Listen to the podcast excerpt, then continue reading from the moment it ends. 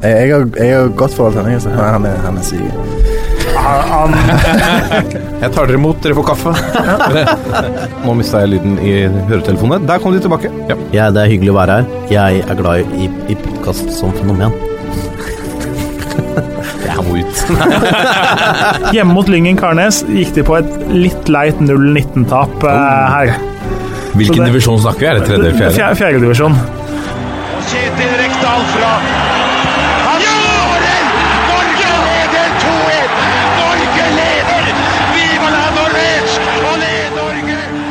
Viva Norvège, allé, allé.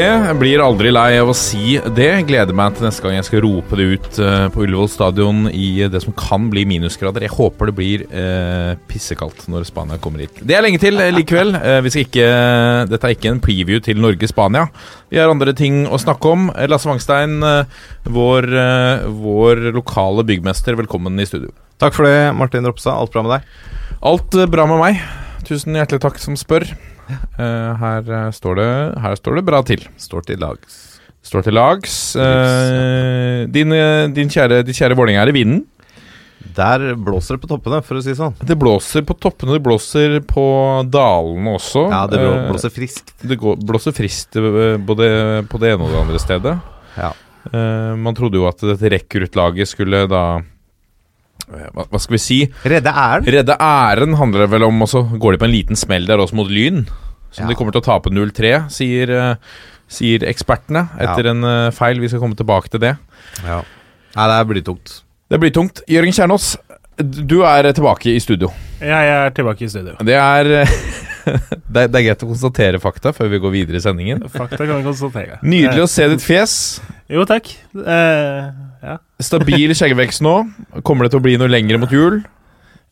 Ja, det, ja, kanskje. Det, vi får se. Ja. Eh, Får du Hvis noen har- Tar du Hvis noen har noe ekstremt fristende tilbud på noe oppdrag det er 24. i 12. klokka mellom 16 og 19 Du kan være åpen for nisseoppdrag. Ja de, de ekstremt godt betalte kan vi ta. Vi gleder oss. Eh, vi har en fyldig sending i eh, denne uken. Um, forrige uke ble vi jo satt ut av spill av, eh, av både sykdom og, og diverse årsaker. Denne uken stiller vi friske og raske. Kan vi si til lytterne, for der hørtes det ut som hele redaksjonen var nede for telling. Det var jo ikke sånn. Nei, men vi, vi var, det var bare du som sto igjen til slutt. Ja, det var bare det jeg ville ha. Ja, for ha på papiret. Joakim var i Østerrike. Joakim var i Og Østerrike. fulgte Hadde en brukbar uke der, brukbar uke si. Østerrike med Erling Braut Haaland og Skal du velge deg én uke i Østerrike, så hadde jeg kanskje valgt den uka. Ja, det var fornuftig. Absolutt. Eh, Braut versus Berge der, altså. Nydelig. Ja. Uh, jeg hadde en kone i utlands i utlendighet, jeg også. Absolutt. Så kunne ikke stille. Og da var det dere to igjen, og der var det noe, noen som falt. Noen som falt. Var for, eh, forhindret her, herfra. Ja. Men nå er vi tilbake. Det er det viktigste. Absolutt. Eh, vi, Leve i nuet. Og vi, eh, vi primet jo i forrige uke at vi skal snakke om uh, PostNord. Vi skal spare eh, tredjevisjon til, uh, til uh, kanskje neste uke. Men vi skal altså eh, gjøre opp status i PostNord-ligaen avdeling 1 og 2. For der fikk vi, vi fikk jo en e-post, vi fikk en klage fra en lytter eh, hvor vi har, vi har sovet i timen, eh, Lasse Wangstein. Ja, Erik Svendsen har sendt oss en e-post på toppfotball at 451.no. Det stemmer. Hei gutter, bra podkast. Har bare et lite spørsmål til eh, Jørgen Kjernås. Hvorfor unngår han å prate om andredivisjon, spesielt da avdeling 1? Må være en av norsk fotballs store overraskelser at Stjørdalsblink leder avdelingen etter 21 serierunder. Stjørdalsblink. Stjørdalsblink. Ja. 48 poeng, 14 seire, 6 uavgjort og bare ett tap, borte mot FFK. Ikke en liten prestasjon av en klubb som nevnte Kjernås ikke engang klarte å sette på tabellen før sesongen? Hm. Ja, nei, Han vet han har sagt at det ikke faller under breddefotball, og at dere skal snakke om tabelltipset senere, men ligger det et lite snev av ergelse av at han ikke så den komme, som bakgrunn for mangelen på dekning av andredivisjon i år? Ja, Takk for god underholdning under pendlingen til jobb. unngår du Stjørdal, Kjernos? Kjernås? Nei, det vil jeg vel ikke si. Det, jeg tenker det er opp til godeste Ropstad som setter en kjøreplan, jeg, og dytte inn uh, avdivisjonen i tide og utide. Dette er intet Eh, diktatur! Det er helt enig. Ja, ja, men jeg, jeg er helt enig i prinsippet. Lars eh, snakke andredivisjon mest mulig. Så det er jeg. Og så Skal vi skal vi jo gå tilbake til andredivisjon og snakke da en god del om blink når vi kommer til pulsen. Eh, yes. Men de har både imponert og overrasket, det kan vel røpe allerede. Ja. Vi lever best under et diktatur, eh, Martin. Ikke Så sant. du må bare styre dette med jernhånden Jeg forstår, jeg gjør det. Ja, det gjør du. Eh, vi skal selvfølgelig ha rundens øyeblikk også, før vi går på pulsen. Eh, I pulsen skal vi se på preview på kvartfinalene i NM, som sparkes i gang eh, onsdag og eh, torsdag. Eh, vi må en tur innom hva som skjer i, i Vålerenga. Eh, og Team Drammen, som de jo blir kalt. Eh, og så skal vi ha eh, Breddenytt selvfølgelig mot slutten av sendingen. Men nå skal vi ha ukens tulipan og kaktus ved spaltens president, Lasse Mangstein. Dette er toppfotball. Ja, eh, siden eh, vi som nevnt da skal diskutere mitt eh, kjære Vålinga om ikke så altfor lenge, så skal jeg unngå å gi de en velfortjent steppeslette med kaktuser i denne spalten. Oh, ja? Så ja, jeg begynner med kaktus, jeg, da. Det blir ikke en steppeslette, men eh, det går dessverre, og vel sannsynligvis, eh, i hvert fall for andre gang i år, dessverre til dommerstanden, da. Dom- standen? ja, til dommerne Ja. den gangen her. For det dommersjef Terje Hauge gikk jo ut før sesongen og proklamerte at i år, ja, i år skulle dommerne slå hardere ned på farlig spill, og taklinger som kvalifiserer til rødt kort, det skulle vises røde kort. Kan vel kanskje si med det siste som har skjedd friskt i minne, at det har de ikke lykkes helt med. I løpet av forrige serierunde så var det ikke mindre enn seks åpenbare situasjoner som burde gitt direkte rødt kort, som unnslapp dommernes øyne. Det er selvfølgelig ikke godt nok. Det beskytter ikke spillerne. Og det gjør potensielt at man får flere situasjoner som kan gi stygge og i verste fall karrieretruende skader. Her, dommerne må skjerpe seg. Og alle synger Villa Edvardsen tilbake. Nei, altså jeg tror ikke det er på en måte svaret, da. Og så, og så kan du si hva du vil om Svein Erik, Erik Edvardsen og hans uh, gjøren og laden i sosiale medier og blogger og, sånne ting, men, eh, men nå ser han det fra utsiden, og han tar det for det der, og han bruker regelboka som han har i hånd. Men jeg syns det er litt kult da, at vi har en, en Ja, ja. kommentator som faktisk kan melde det. Eh, Litt som fortløpende. Her var situasjonen. Han ser den på Og han gjør og det, og det, det syns jeg er kult. Og så skjønner jeg også at noen syns det blir mye, og at det, noen proklamerer at det, det er en bitterhet i Altså underliggende bitterhet her fordi han ikke får lov å dømme sjøl. Det får være opp til hver enkelt å bedømme. Da kan du velge å ikke følge det. Da kan du velge å ikke følge, og selvfølgelig så er han jo ivrig når han først begynner å melde. Da melder han jo i alle er tråder han finner. Men uh, det er jo hans måte å få dette ut på, og jeg syns det er fint at det blir satt litt fokus på det. Uh, ikke fordi at vi skal disse dommerne for enhver uh, Altså hele tiden. Uh, og det er ikke sikkert at dommerne blir noe bedre av det, men hvis vi ikke har fokus på det, så har de i hvert fall ikke sjanse til å korrigere seg og, og sette fokus på det internt heller. Altså, jeg tenker at hvis du skal være dommer i toppdivisjonen i Norge, da må du tåle at folk kritiserer deg når du gjør en dårlig jobb. Og da får det være greit når det er fakta, liksom. Fakta, ja. Og så må du begynne å møte for pressen. Ja, det kan også være greit å ikke opptre arrogante, som enkelte blir, på, blir eh, beskyldt for å være. eh, og kanskje møte pressen litt oftere. Ikke det at det på en måte redder situasjonen, men det, da kan de i hvert fall få lov å forklare seg. Hva tenkte jeg i situasjonen? Eller si at du, jeg så ikke, for det var en mann imellom meg og situasjonen.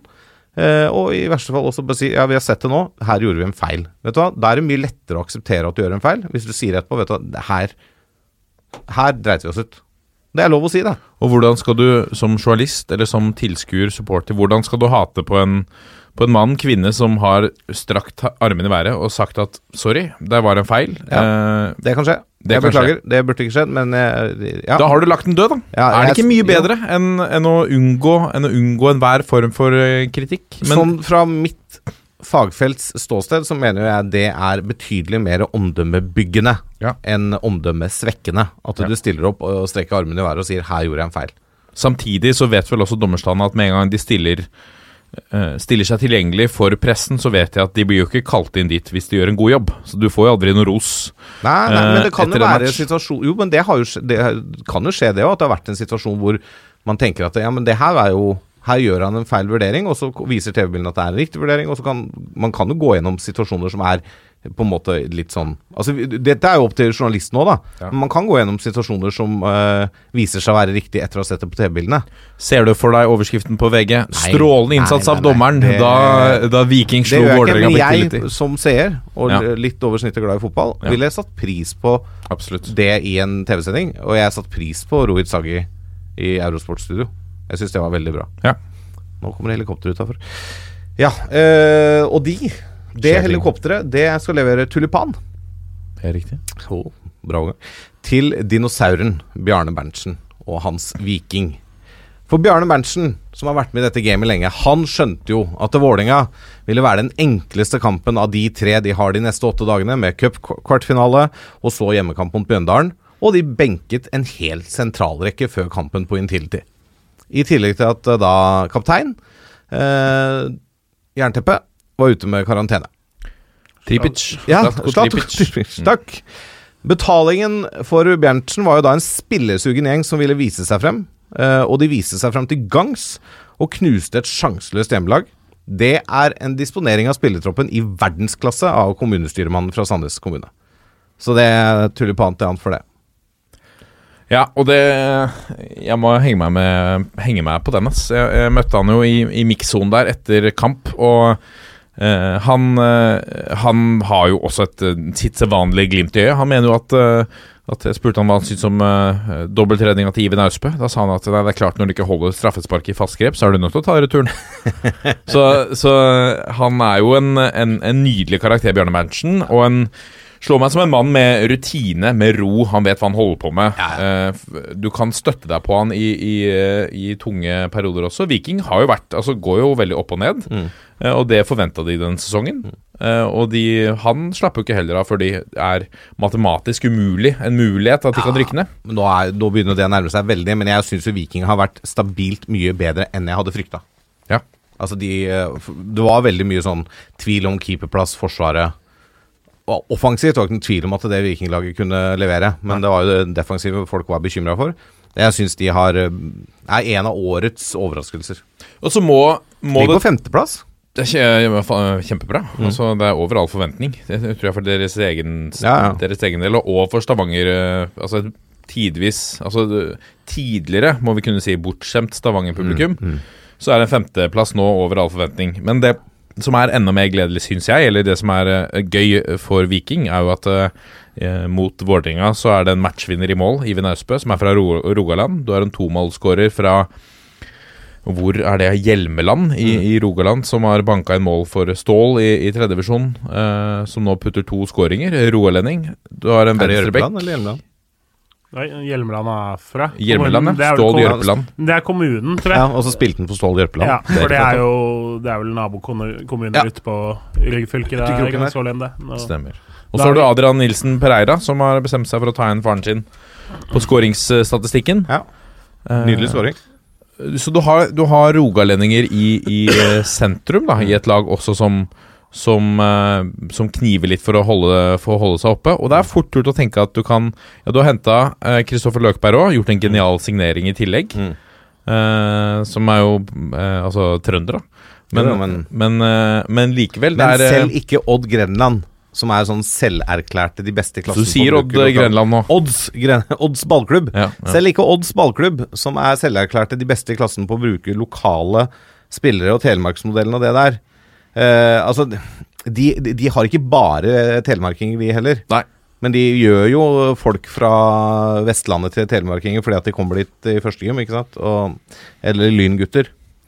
Kunne sendt en liten bukett her til han 18-åringen også, som uh, nesten putta hat trick for, uh, for Philip uh, de Laveris. De Laveris. Det er helt riktig. Han eh, ble sterkt vurdert til året, eller, årets rundens tulipan. Men eh, han eh, det, Altså, Berntsen tok det på ansiennitet. Ja. Riktig.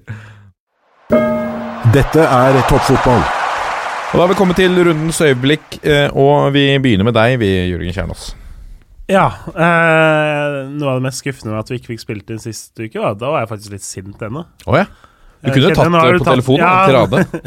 Det har gått en, nei, altså, eh, Mitt uh, supporterhjerte har jo holdt på å si skrumpet litt inn. Sånn altså Med andre hatter uh, tilknytta norsk fotball, så har på en måte den der uh, ihuga supporterdelen dødd litt, dessverre. Men eh, jeg håper nå fortsatt Hønefoss vinner hver eneste fotballkamp de spiller, og blir litt glad hvis de vinner, og litt trist hvis de taper. Eh, så var det litt deilig da de møtte Melbo, ikke denne helga, men forrige helg. Og liksom få kjenne på den en av de delene man har savna ved å være liksom ordentlig supporter. Og det å skikkelig hate han fyren som flyr rundt med fløyta.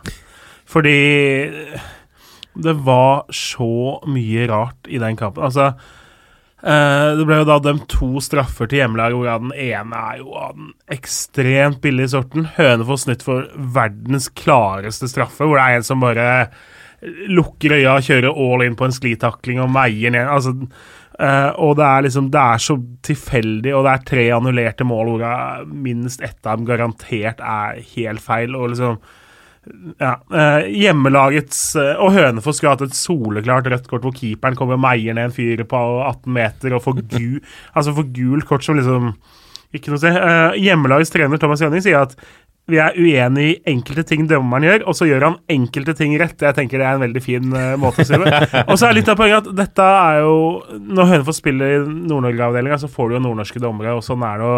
Det, det har gått mye myter om de, og det er liksom vanskelig å møte de oppe i nord, da. Men eh, samme fyren leverte jo da en terningkast minus 14-prestasjon da Hønefoss møtte Harstad borte. uh, hvor han da ga andre gule for noe som eh, ikke finnes i nærheten av å være kort.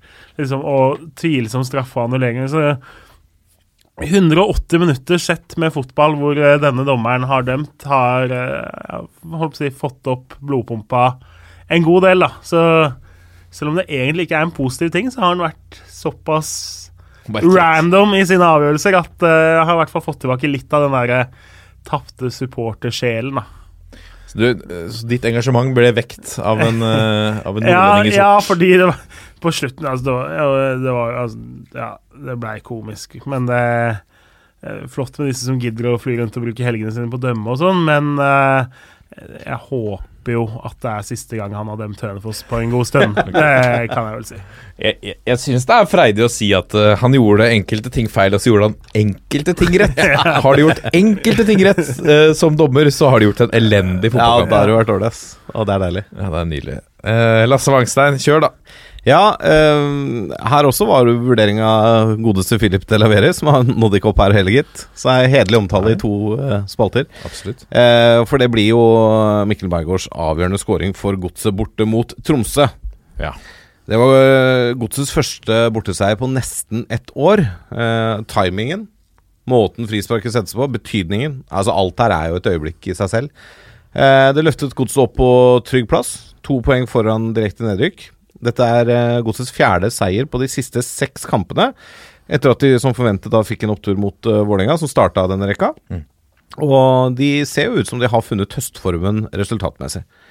Uh, og dette er altså uh, Jeg vet Håvard var skeptisk, men uh, fortsetter godset sånn her, så blir det jo ikke Obos på de neste år allikevel. Og det tror jeg Jeg tror ikke det blir det. Nei. Det er tett der nede, altså. Det er mange lag som kan rykke ned i Eliteserien. Men sånn, øh, det ser ut som nå begynner på en måte spillertroppen å respondere på de økte treningsmengdene, på det som Pedersen vil ha. Uh, nei, det, det, jeg tror øh, de er litt lettere til sinns i Drammen nå enn de var for bare noen uker siden. Og det er jo fantastisk også at det kommer på Man har jo ventet på disse frisparkene fra, fra Maigård også. Man har sett han gjøre det i, i Obos-ligaen, eh, og han har forsøkt seg et par ganger i Eliteserien. Og så har det vært litt sånn symbolsk også for godset motgang. Ok, at frisparkspesialisten heller Han heller lykkes ikke i godset. Mm. Så må det være litt sånn Og så er det noe ekstra forløsende med å gjøre det med en, en fantastisk prestasjon på, på frispark. Og så calla han det vel litt i forkant òg. Han hadde øvd Ja. mye på dette denne Mm. uka, stått igjen mye og trena på de frisparka. Og gjøre det borte mot Tromsø også. det er I eh, slutten av kampen. mareritt å komme opp dit, og det er en sekspoengsmatch i tillegg. Ja. De vet jo dette. Nei, det er eh, fantastisk. Og så må jeg si en liten kudos til uh, Margot òg, for intervjuet etterpå. Uh, Oppdaga at eh, mannen har jo virkelig lagt seg i selen for å snakke forståelig norsk. Ja, det var ikke mye dansk å spore Nei, det var, du hører det bryter lite grann. Ja. Um, og da, Jeg har jo en kompis som har bodd halve livet i Norge og halve livet i Danmark. eh, og han, eh, De snakker sånn tålelig likt. Eh, selvfølgelig, når det blir enheter på bordet, så er det ikke René like lett å forstå alltid. da blir det mer dansk. Men, men dansk er vanskelig å forstå. For Ja, det er enklere å, å sosialisere seg med engelskmenn enn med, enn med dansker. På mange måter. Ja. Så det er, litt sånn klapp på skuldra der til Mikkel, for å virkelig ha gått inn for å ja, gjøre seg forstått i, eh, når han kommer til et nytt land for å spille fotball. Ja. Så det er bra. Sterkt. Jeg skal Stert. til uh, Intility eh, Arena eh, og eh, en 20 år gammel venstrebekk, Adrian Nilsen Pereira. Som har eh, vel eh, Han fikk vel ikke passivt påskrevet, men han fikk et lite stikk i siden fra, fra far, Thomas Pereira, som har Altså, gud vet, han spilte vel 13 sesonger i, i Viking, mener jeg. Mm. bekledde bekken der med glans. Eh, Fikk bare ti skåringer på sin, sine 13 sesonger. Nå har, ja, nå har eh, sønnen hans har eh, to, mm.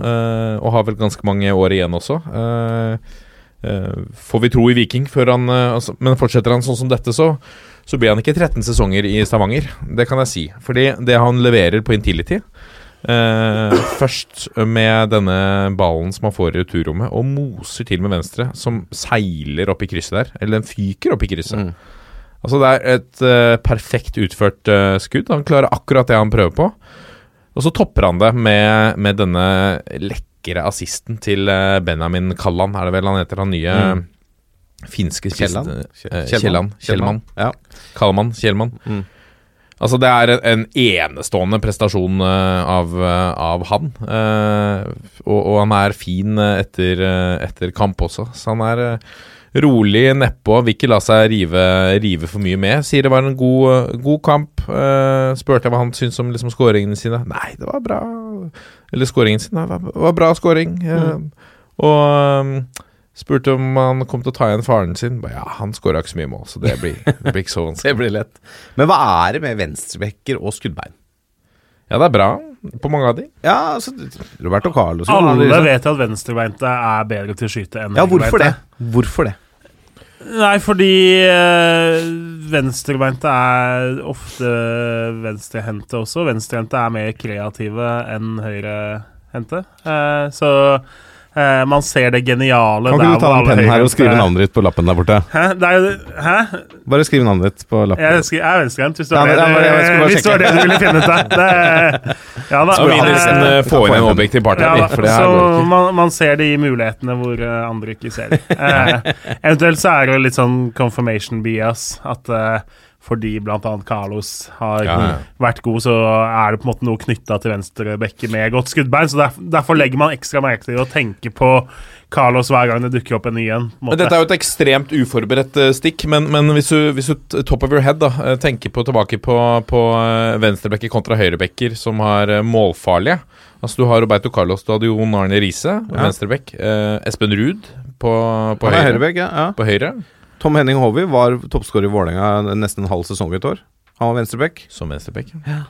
Mye av det kom på dødball, da, for han Fredo Santos var vel opprinnelig høyrebekk, ble flytta ja, som spiss. Ja, men, ja, eller eh, han ble flytta litt rundt, er vel lov å si. Ja. Spille litt kant og spiss og bekk og Jonas Svensson hadde vel Hvor mange hadde han? Mange mål hadde han? Før han hadde mye målpoeng, i hvert fall. Før han stakk sant? til Aset. Ja. Men han Nei, var høyrebekk. Ja, men, nei, men det er s- altså Hvis du går ut av landet òg, da, ikke sant, og ser på det ehm, andre favorittlaget mitt eh, utenfor Eller det favorittlaget mitt utenfor Norges grense, som heter Liverpool.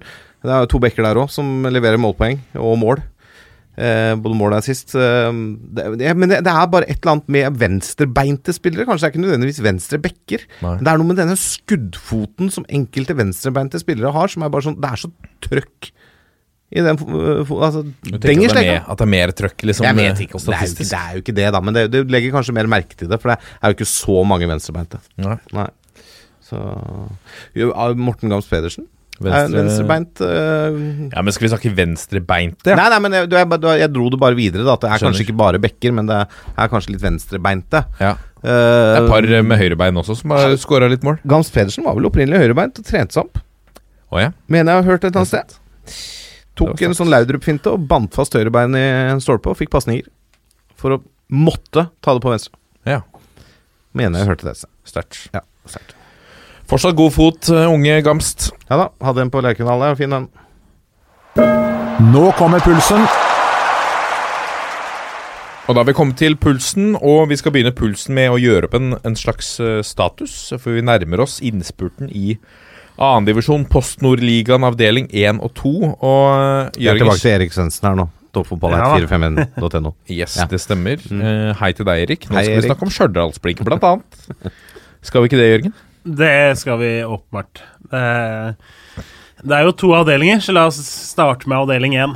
Eh, det er jo en avdeling som på forhånd så helt sinnssykt tøff å rykke opp fra. Eh, fordi man tenkte at Fredrikstad kom til å få kamp bl.a. av eh, budsjettkyndige Egersund, Arendal, eh, og så har du tradisjonsrike lag som Moss, Hødd og Bryne i avdelinga. Levanger kommer ned fra eh, Obos-ligaen og har tross alt ambisjoner om å komme seg opp eh, igjen. Og så ser man da etter 21 runder, fem kamper igjen. Førsteplass Stjørdalsblink, 48 poeng. Ett tap. Eh, vi snakker et lag som da på mirakuløst vis unngikk eh, nedrykk eh, sist sesong. Fordi før siste serierunde så var de avhengig av å vinne selv.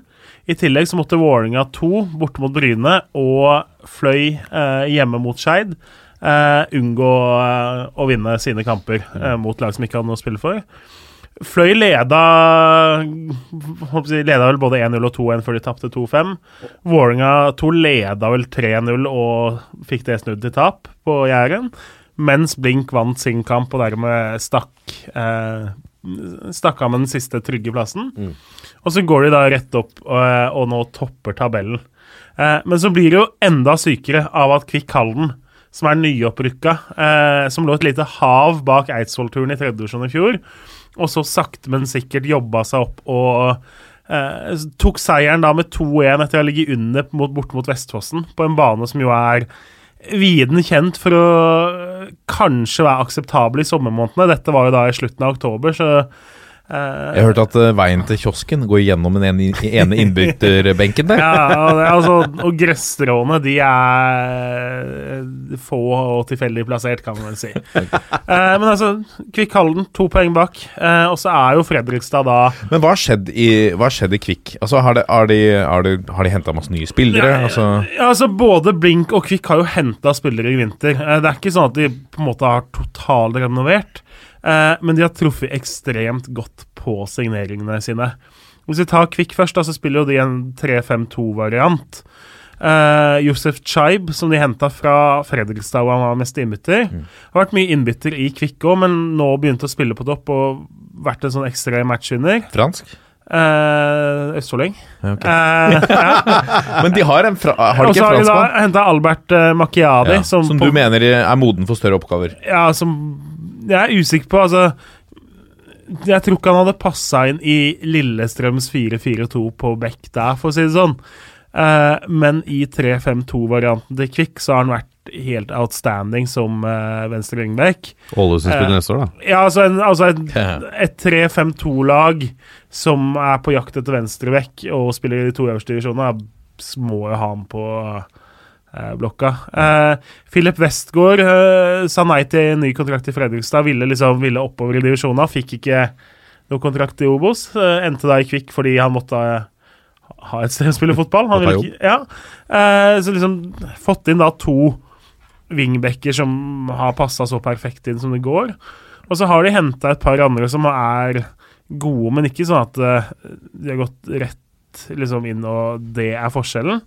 Eh, Dagur Tore-Hallesson har ikke fått på lån fra Mjøndalen nå, som har liksom heva laget enda mer. da. Så det er ikke som at de på en måte har gått på høyeste hylle. Sånn altså Fredrikstad henter Henrik Kjelsrud Johansen fra Brann, som da tross alt starta i eliteseriekamper ikke veldig lenge før de signerte han. Hvordan har det gått med han i FFK? Ja, han har skåra Det er vel seks mål nå på seks-sju kamper, vel. Så han har vært den spilleren de håpa på. De henta Nikolai Kan vi si at han har funnet sitt nivå, eller er det litt stygt sagt? Han har vært Altså, han er jo utvilsomt en veldig god andredivisjonsspiss, og Absolutt. sannsynligvis også en spiss som ville heva de fleste Obos-ligalag, da. Ja, okay. eh, så, men det sier også litt om hvilken hylle Fredrikstad henter fra. Det er ikke som at de ikke hadde konkurranse fra Obos-ligaen om han, Ja, men for De henta vel Nikolai Solberg også fra ja, som, Han gikk jo fra Ullkisa fordi han ville til Eliteserien etter en god sesong eh, på Jessheim. Eh, endte jo da heller med å gå ned et steg og er inn og ut av laget i Fredrikstad. Så eh, Nei, det er, det er meget interessant. Men tilbake til Blink, da. De er jo som alle trønderske lag Altså, det er jo ikke lov å være fotballtrener i Trøndelag uten å spille 4-3-3. Da eh, Altså, det hadde vært en morsom sånn skjult kameravariant og sendt en trener på et jobbintervju i en trøndersk klubb og fått den til å si at jeg tenker vi skal spille 4-2-3-1 eller 4-4-2 i år. Magnus Powell? Ja, de, det finnes unntak, så klart. Eh, Men eh, altså, Blink er jo ekstremt tydelig 4-3-3-lag. Eh, og så ha, nyter de jo godt av at Ranheim har henta veldig mange trønderske spillere og på en måte henta litt med eh, Hva skal man si Henta med Hagle. håven, på en måte. eh, sånn at eh, Ranheim hadde liksom 30 mann i stallen og eh, hadde ikke bruk for alle. Så for eksempel av Mats Lillebo, som har vært OK for Ranheim, og som da går til eh, Andersson og Blink og herjer som angriper, har kanskje vært I hvert fall vårsesongen så var den helt fantastisk. Kanskje da Anderssons beste spiller. Eh, de har fått Sondre Sørløk på lån fra Ranheim nå. De, altså Jakob Tromsdal og Fredrik Vinje har de henta på lån derfra. Uh, så sender de jo da tilbake Robert Williams uh, som venstrevekk etter sesongen til Ranheim. Uh, U-landslagsspiller. Var i Rosenborg-systemet, var aktuell for HamKam, og så var det jo litt utdanningskompensasjon og litt tvil på Hamar, som gjorde at han endte opp i blink isteden. Uh, de har spillere som Sander Kartum, som har vært en god indreløper lenge, og som er kjempegod nå. Og så henter de på en måte Når de da mista stopperen sin Bjørnar Hove til Jerv, så henter de da Vebjørn Fiske Nei, Vebjørn eh, Vinje fra eh, Nardo, som erstatter bra. Eh, Så de plukker litt lokalt, ja, da. ja de er flinke eh, til så de har jo på en måte altså Det Samarbeidet med Ranheim er jo interessant, for hva skjer hvis Ranheim og Blink møtes i Obos neste år? Men hvor tett Hvor- er det samarbeidet? Var det på altså- Ranheim-Rosenborg-nivå, eller? Ja, altså, det er jo holdt si et lykkelig Ekteskap. Ja, om ikke ekteskap, så på en måte Ranheim har spillere som trenger spillertid høyere enn andre lag kan tilby i tredje divisjon, og Blink trenger gode spillere. Så Uh, det, Men som sagt, hvor Lillebo og Sørløk spiller neste år, da, hvis begge er i andre divisjon, nei, i første divisjon, det blir spennende. Eh, Blink har jo alltid vært gode. Altså, det har alltid vært et lag som har pøst inn mål, og i fjor òg. Så var det sånn, de var ikke noe typisk bunnlag, selv om de jo holdt på å rykke ned. Fordi på sitt beste så var de veldig gode på hjemmebane. Så har de alle sesongene sine i Andersson vært tøffe å slå. Eh, men nesten mer sånn et bevis på at faktisk nye Andersson er beintøft. Og da Altså Vålerenga 2 og Fløy som rykka ned isteden, da. Eh, det er solide lag, egentlig. Det var gode mannskap i 2018, det. Så eh, det er tett. Men eh, hvordan det ender til slutt, da, det er jo eh, fortsatt et åpent spørsmål. Fordi det er klart Blink har 48, Kvikk har 46, og så har FFK 43. Eh, men på slutten så er det en haug av interne oppgjør der. Det er vel runde 23 og 24 Nei, 24 og 25. Da Blink har uh, Fredrikstad hjemme i runde 24. Uh, og så møter de da Egersund borte runden etter i runde 25. Og Egersund er nok for langt bak med sine 38 poeng. 8 poeng opp til kvalik, men er gode. Har ikke gitt opp helt ennå, i hvert fall. Uh, før det så har Blink nå Vidar borte på gress. Vidar må vinne, egentlig, for å berge. Og så har de Levanger borte, som da ikke noe vært, ville vært deiligere for Levanger enn å kunne avslutte sesongen med å ødelegge et opprykk for et annet tidligere nordtrøndersk lag, da. Så veien er lang frem. Og Kvikk òg, da, skal i de samme eh, Det skiller bare to poeng mellom Ja, Kvikk ikke sant, og det skiller to poeng. Eh, men klart, altså, Kvikk har da Egersund borte om halvannen uke. De har igjen Fredrikstad borte i nest siste runde. Så for å si det sånn, så Herregud, Fredrikstad-Kvikk-kampen der, da. ja, det blir Nest helt siste runde. Altså, det, folk kommer til å stå på utsida og se på kampen. det, Jeg vil tro den blir meget godt besøkt, så Ja. lenge Fredrikstad ikke på et eller annet vis klarer å rote det vekk før det. Og det, eh, det er klart, altså Fredrikstad skal jo da til nettopp Stjørdal helga før. De må egentlig Fredrikstad må fort vinne sine fem siste for å faktisk rykke direkte opp, da. Eh, og da Hva med eh, toppfotballvenn Jan Halvor Halvorsen, som har, uh, har sitt fulle hyre med, med Bryne der? Tiendeplass. Altså det, det, Ja, må, det er altså- ikke veldig populært på hjernen, det. Nei, Bryne har uh, Jeg så kampen Altså, mot Kvikk her nå, så leda de jo solid, men klarte likevel å snu det til tap. Eller Kvikk klarte å snu det til seier.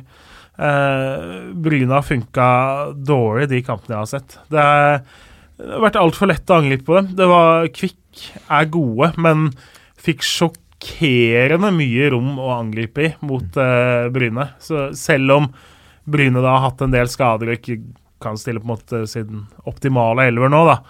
Eh, så klart Bryne har seks poeng ned til nedrykk. Eh, Vidar og Sola, da, som jo eh, Klart for Bryne tenker hvis de skulle rykke ned, og Vidar eller Sola berger plassen på deres bekostning. Det ville vært en katastrofe for dem, men det er klart det eh, Ja, de har sett såpass skrøpelige ut og har nå såpass tynn variant av tropp. Men møter da Brattvåg borte, som jo faktisk ligger mellom dem og streken. Penga, uh, vi har snakka tidligere om, om alle penga i, i Brattvåg. At det var, eh, det var mye dollars der oppe. Mye spillere på lønninger og sånn. Har pengene blitt borte, eller? Nei, men de har Der har det vært en del rart. Eh, altså, de har slitt med å bygge laget godt nok, og det mista et par spillere i sommer og Ja, det, jeg syns de har mye gode spillere på papiret, men det har Det har sett Ja, det har ikke sett ut som et godt lag. Eh, Håkon Leine på topp det er en nydelig spiss som jeg tror kommer til å spille høyere opp veldig snart. Men eh, han har redda dem. Da skåra tosifra i år, sånn som i fjor. Så Brattvåg har vært også en skuffelse. Og det samme Arendal, som jo også har et solid budsjett og skal være topplag, og som på sitt beste har vært gode i år, eh, men som da nok en sesong ender milevis unna opprykkskampen. Eh, så er en avdeling én meget interessant og definitivt med et par sånne twist and turns. Eh, Ja, et, Nå ja, et sikkert uh, tips for avdelingen. Ja. Byåsen rykker, da. det kan bekreftes. Så det er Ja. klart Byåsen, eh, Byåsen mista et par av de beste spillerne fra høstsesongen, så de hadde Bra, Lasse. Bra. Ja. Ja. Ne nesten et svakere mannskap i 2019 enn det de hadde i 2018, da. Uh, Men den avdelingen her, Mm. fra ditt ståsted, Mm. er det sånn at eh, de tre beste laga her, da, Mm. som nå kjemper om opprykk og opprykkskvalik, er de bedre enn enkelte av laga i Obos-ligaen, egentlig? Ja, i hvert fall sånn som ting er på høsten nå, fordi eh, det å ha flyt og selvtillit er en så stor faktor i fotball. Mm. Eh, Skeid anno 2018, høsten 2018 var definitivt et bedre lag enn flere av lagene i Obos-ligaen. Ja, ja. Og så rykker jo de opp, og så ser vi jo hvordan Skeid er nå. Mm. Eh, men det handler jo sant, om det der å ha godfølelsen og eh, gå fra seier til seier. Så eh, ja. Mm. Det er jo noen av de mekanismene også som spiller inn der. Eh, men hvis du tenker 2020, da. Eh, både Blink og Kvikk, hvis noen av Eller hvem av de, eller eventuelt begge, eller ingen. Eh, Koffa de som rykker opp, kan få det tøft, men det er klart, Koffa. Eh, rett opp og opp i topp. Eh, Raufoss har hengt med i toppen lenge som nyopprykka nå, så det er to av tre eh, nyopprykka nå, ligger jo da godt an. Eh, men det handler jo det handler om den å få med seg den godfølelsen da, og treffe på den ene eller de to signeringene som skal virkelig forsterke Ja, for laget. kvaliken er de to to-lagene møtes, Ja. og den vinneren i den kampen går opp. Nei, den vinneren møter nummer 14 i Obos. Sånn var det. Ja. Eh, men jeg må få si bratt, den. Den denne denne mailen, da, at, at jeg har glemt blink på noen tabelltips, er jeg usikker på. Det kan hende at vi ikke nevnte dem da vi snakka om topplagene i uh, avdelinga. Det kan jeg se for meg. Men eh, jeg tror da jeg satte opp tabelltips eh, før sesongen at jeg hadde de på åttendeplass. Jeg hadde Kvikk på seks eller sju, som jo var det høyeste noen tippa dem, da. Så det blir jo litt sånn som Bodø-Glimt, hvor eh, hvis man kan skryte av å ha hatt dem på ellevteplass, eller hva jeg hadde. Det er jo på en måte Det er jo fortsatt bom, men liksom var inne på noe, da. Mm. Ganske mange hadde vel Kvikk eh, langt ned. Eh, så, men de har jo Altså både Kvikk og Blink har jo gått over alles, også mine forventninger. Det er ikke Ja. noe tvil om det. Men før vi slipper av- avdeling 1 her, vi må gå videre til avdeling 2. Men, men uh, Fredrikstad, da, som, som samtidig med at deres egen suksess har falmet, de har rast, altså falt ned fra Eliteserien til Obos ned til andredivisjon, uh, og har sett at Sarpsborg Lotte har gått forbi de og har på en måte tatt over hegemoniet i Østfold. Blitt flaggskipklubben der, fått masse friske millioner på bok, solgt spillere, gjør suksess, spiller i Europa. Alt som liksom Fredrikstad har drømt om. Nå kan de altså gå mot en sesong eh, neste år hvor de har to storebrødre i Østfold, og det er lillebror Kvikkhalden og lillebror Sarpsborg Lotte. Hvor, hvor mye stikker det ekstra for, for en eh, FFK-supporter?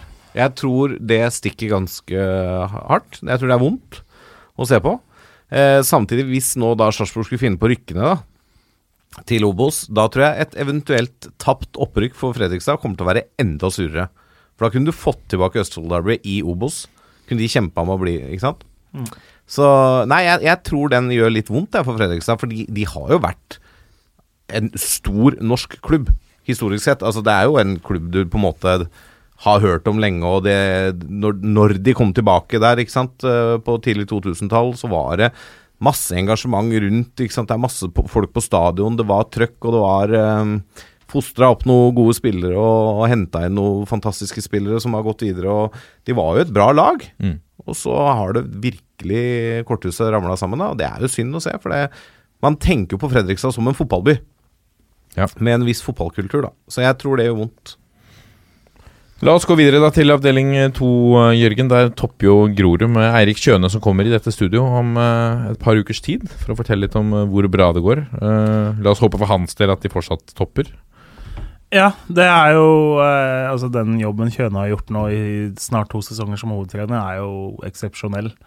I fjor så hang de jo med Raufoss og Fredrikstad nesten hele veien inn. Eh, det var vel 90 minutter med fotball igjen da håpet om kvalik og opprykk var ute for dem. Eh, så har de Altså, Grorud har For det første, de har jo Kjelsås borte nå, til helga.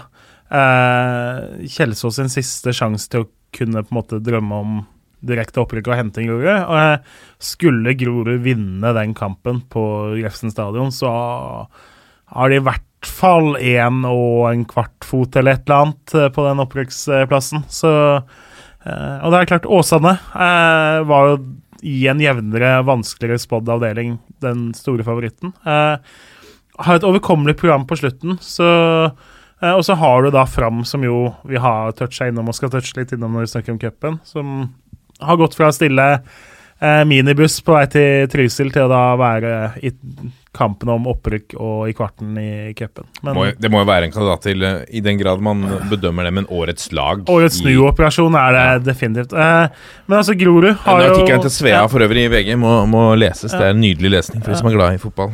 Men det er klart, altså Grorud har øh, gjort mye riktig. eh, og kanskje først og fremst så har de klart å etablere seg og, og fått et rykte som en meget god utviklingsarena for unge spillere. Eh, nå sendte jo da Oliver Vallaker eh, Edvardsen, som jo har vært eh, i Godset Vålerengas eh, junioravdeling. Eh, kom til Grorud, utviklet seg, tatt videre steg, skåra ti mål denne sesongen, her, og nå fikk debuten sin for Stabæk eh, mot Molde mandag. Skulle egentlig på college i USA, men klart Eliteserien var mer fristende, da. Så har de eh, altså Emil Ødegaard, som da er utlånt fra Lillestrøm på andre sesongen, er jo U-landslagskeeper, er en meget spennende keeper. Uh, Elias Hagen var med i U20-VM-troppen, eneste fra andredivisjon. Divisjon. Eh, Fabian Ness, som da dessverre uh, skada kneet sitt. Han hadde fort vært med Eller han var nær å kunne komme i uh, landslagstropp i sommer, han òg. Har vært spilt med flagget på brystet som Grorud-spiller. Uh, og så har de da henta Blant annet nå har de fått Oskar Aga på lån fra Stabæk, som jo har spilt en del eliteserier de siste sesongene. Skåra masse for Stabæk 2 i fjor. De hadde Magnus Dalby på lån fra Godset i fjor, som jo da var god, og i vinter var fantastisk. Eh, så ut til å kunne få en ny godsesjanse, og så skada han også kneet sitt og vært ute hele sesongen. Men eh, fått Andreas Nyhagen på lån fra drammenserne, blant annet. også. Så de eh, har etablert seg da som Team Drammen! ja, men som den klubben Hvis du ikke når opp i Lillestrøm, Vålerenga, Stabæk, Godset Har lyst til å utvikle deg videre og ikke gi opp drømmen likevel, da, som 20-åring, 21-åring i, i Oslo-regionen, så er Grorud da meget attraktivt. De viser at de utvikler de spillerne her, og sammen har de lagd et topplag ut av det.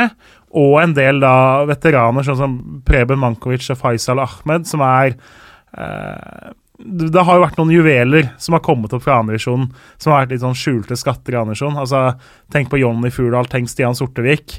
Vært altfor lenge i andredivisjon. Faisal Ahmed er ikke like god som de, men han er nesten Altså, har mye av det samme, da. Han er Profil, liksom. ja, og kaptein og altså kombinasjonen av å være fotballspiller og ha den lekenheten der, og det å liksom ha hele pakka i tillegg, da. Så en spiller som det blir gøy å se hvis Grorud nå skal gå hele veien. Eh, og det, som Groruddøl, da, så er det også Man har jo venta på det. Eh, man hadde jo Groruddalen ballklubb som samarbeidsprosjekt. Det begynner jo å bli snart 15 år siden. Eh, som ikke ble noen suksess. Da fikk man jo seks av de største klubba i dalen som da samarbeida om et lag. Var oppe i andredivisjon og kjempa i toppen av andredivisjon. Eh, men på en måte Alle satt litt på sin egen tue, da. Eh, ville heller dra og se Årvoll-kamp eller Grei-kamp eller Grorud-kamp en måte, enn å støtte opp om samarbeidslaget. Så det døde litt hen da man mista en ekstremt god generasjon og måtte erstatte det. Så, eh, men det er klart det er en del av landet som har fostra ekstremt mange gode fotballspillere. Hvis man hadde satt opp en Groruddalen eh, beste elver, både historisk sett eller av de som spiller nå, så mm. kunne den matcha ganske mange eh, byer i det landet her, for å si det sånn. Så Nei, blir, jeg, jeg håper jo veldig på at Grorud skal gå hele veien med hjertet, og det Men likevel, de før så var det jo, altså før Kjøne tok over, så Rolf Teigen, som jo var trener i Groruddalen, hadde leda jo Grorud og, som andredivisjonslag. Eh, da var det litt mer sånn happy go lucky og litt sånn kunne gå, vinne 5-2 en helg og så tape 1-4 neste helg. Eh, det var mye mål i Grorud-kampene. Nå med Kjøne i år, så har de, de har vunnet 13 kamper. Ni av dem er ettmålsseire. Så eh, de har fortsatt mye offensivt krydder og mange spillere som er i stand til å avgjøre kamper. Men Grorud anno 2019 er først og fremst et lag det er vanskelig å møte og vanskelig å bryte ned. Og eh, langt mer Om ikke kjedelige, da, så i hvert fall mer forsiktige enn det de var eh, før. Eh, men det har da samtidig tatt dem steget opp fra å være gode, men akk så ustabile, til å være gode og gode langt oftere over 90 minutter. Mm. Eh, men det er jo også Man ser jo litt altså hvor tett det er da i uh, nye andredivisjon, når man ser litt uh, på tabellene. Fordi altså Elverum og Asker da er jo gode andredivisjonslag, egentlig. Begge to har, har hatt egentlig en tung sesong, selv om de nå har løfta seg i høst. Så gikk begge til sommerpausen og hadde definitivt nedrykksstreken ubehagelig nærme og lå til og med under streken. Så ja, det, det ser jo på en måte Man ser litt hva effekten har gjort når man har gått ned til to avdelinger, men uh, uh, Er du overrasket over at Oppsal ligger helt på bunn? Jeg husker uh, samtalen med Jørgen Isnes for Koffa-treneren også, for et par Var ikke det et par sesonger siden, da? Vi snakka sammen med han før Og Kjell Sverre Hansen Moll før en sesong. Og da sa han at de hadde mista De hadde slåss med Oppsal om et par spillere, men Oppsal betalte mer, sa de. Ja, nei, altså nei, Oppsal er litt uh, i det der eh, rommet at de er et meget godt tredjevisjonslag, men uh, de har mangla De mista jo nå et par av spissa sine, annet i sommer, og klart sluppet inn 52 mål. De har sluppet inn da 2,5 mål i snitt, nesten. Det, det holder ikke. Man mangler på en måte det der lille ekstra over mange nok kamper, da. Og eh, har gjort det OK mot en del av uh, laga nedi der, og så faller de ofte uh, Kommer de til kort mot topplaga. Uh, og litt det samme med Senja, da, som har en tynn tropp og ikke har forsterka etter opprykket i fjor. Eh, at de også er et bunnlag, er venta. Så Mjølner, da, som hadde en nydelig 2018-sesong, bytta trener, mista litt spillere. Eh, måtte hente, altså Bomma litt på signeringen og måtte på en måte hente nye signeringen i sommer. da For å erstatte de man henta mot eh, tampen av vintervinduet. Så Bærum Eh, på en åttendeplass, hadde Du forventa at de ja, Bæ- altså Bærum er sånn, sånn som Grorud var, da. Eh, de slår alle på gode dager og taper for hvem som helst. De eh, har noen elleville kamper, deriblant 5-5 mot Oppsal, hvorav flere av måla også var nydelige. Det er sånn Jeg tror Jostein Grindhaug ville kalt det hiaka hoaka. Ja, de spiller seg ut der med Ja. noe fantastisk spill Ja, fra klart, keeper. ja da, de har, og Jan Derek Sørensen som trener legger jo på en måte litt lista for at det skal se fint og være attraktivt. på Men det er klart, når du spiller Når du insisterer på å spille på den måten, så Ja. får du noen i fleisen også. Ja. Nei, og Bærum er der hvor de altså, De som klubb og med den stallen de har, så er det ikke noe lag som har noe høyere oppgjør. Og de har såpass med kvaliteter at de år etter år styrer unna nedrykk, da. Ja. Uh, så nei, ikke veldig den, Ikke veldig overraskende, men så ser man jo Florø, da, eksempel, som jo uh, har hatt nedrykksstreken stadig mer ubehagelig nære nå. Uh, tok en viktig seier opp i nord mot Senja for et par uker siden, som da gjorde at de faktisk kunne puste ut. Hadde de tapt den, så hadde Florø kunnet gått på sitt andre nedrykk på to sesonger. Ja. Eh, så ja, nei det, det blir gøy på slutten, selv om nedrykksstriden per nå ser litt satt ut, så er det håp ennå for et par lag der. Men det, jeg tror de seks laga som ligger på nedrykksplassene, er de seks som går ned. Men i toppen så er det Så Senja, Mjølner og Oppsal på avdeling to, og Vidar, Sola og Byåsen i avdeling én. Ja, det Altså, Senja ligger jo fem poeng bak Odd 2. Og møter dem da på mandag. Ja, ikke sant. Eh. Og, og for Odd så er det viktig å ha det andre laget i andredivisjon nå, så de kommer til å dunke ned med det de har tilgjengelig av gutter som Ja, har A-stall-status. Mm, Og Senja klagde jo der det var sak i Nordlys her for noen dager siden, fordi de ville ha kampen utsatt, men det var vanskelig for dem med mandagskamp og skulle reise langt. Og det eh, Det er det Altså, jeg skjønner jo det, og folk har jobb eh, og sånn, men altså de har visst at den kampen skulle spilles da 30.9. Det har de visst i åtte måneder. Mm. Eh, hvis folk ikke klarer å få seg fri da fra jobb én mandagskamp, som de har hele sesongen, da har du ikke noe i andredivisjon å gjøre. Altså. Eh, det, er flere, det blir trolig flere ugunstige tidspunkt nesten hvis du rykker ned. Så det er liksom, er du på det nivået her, så sorry, da, da må du regne med at det blir Det én mandagskamp. Det er egentlig lite i forhold til hva du skal vente deg i annen og tredje. Ja, altså, det er, du skal ikke mange år tilbake hvor det var flere andre lag fra Eliteserien eh, Fra Eliteserien, i andredivisjon. Og da var det flere mandagskamper på disse andre laga, eh, fordi det er gjerne eliteserierunde på søndag, og da spiller andre laga på mandag. Ja, nei, så det, det sier på en måte litt om hvor Senja legger lista, og når man gjør det til et problem og vanskelig og er litt oppgitt over at man Mm. ikke får flytta kampen, da. Ja. Eh, sånn er det i andre divisjon. Altså, skal du være med der, da, da er det normen. Ja. Eh, men nei, det blir, det blir veldig gøy på slutten av sesongen nå i begge avdelinger. Og det er klart det starter jo da med Kjelsås Grorud, og så håper vi jo at eh, det blir tre eller fire lag i begge avdelingene som kjemper hele veien. Eh, og så kommer det så kommer de her nydelige kvalikkampene, og så kommer da kvalikkampen mot Obos-ligaen, og så Nei, det, det er fryktelig mye å glede seg til på slutten her. Ja.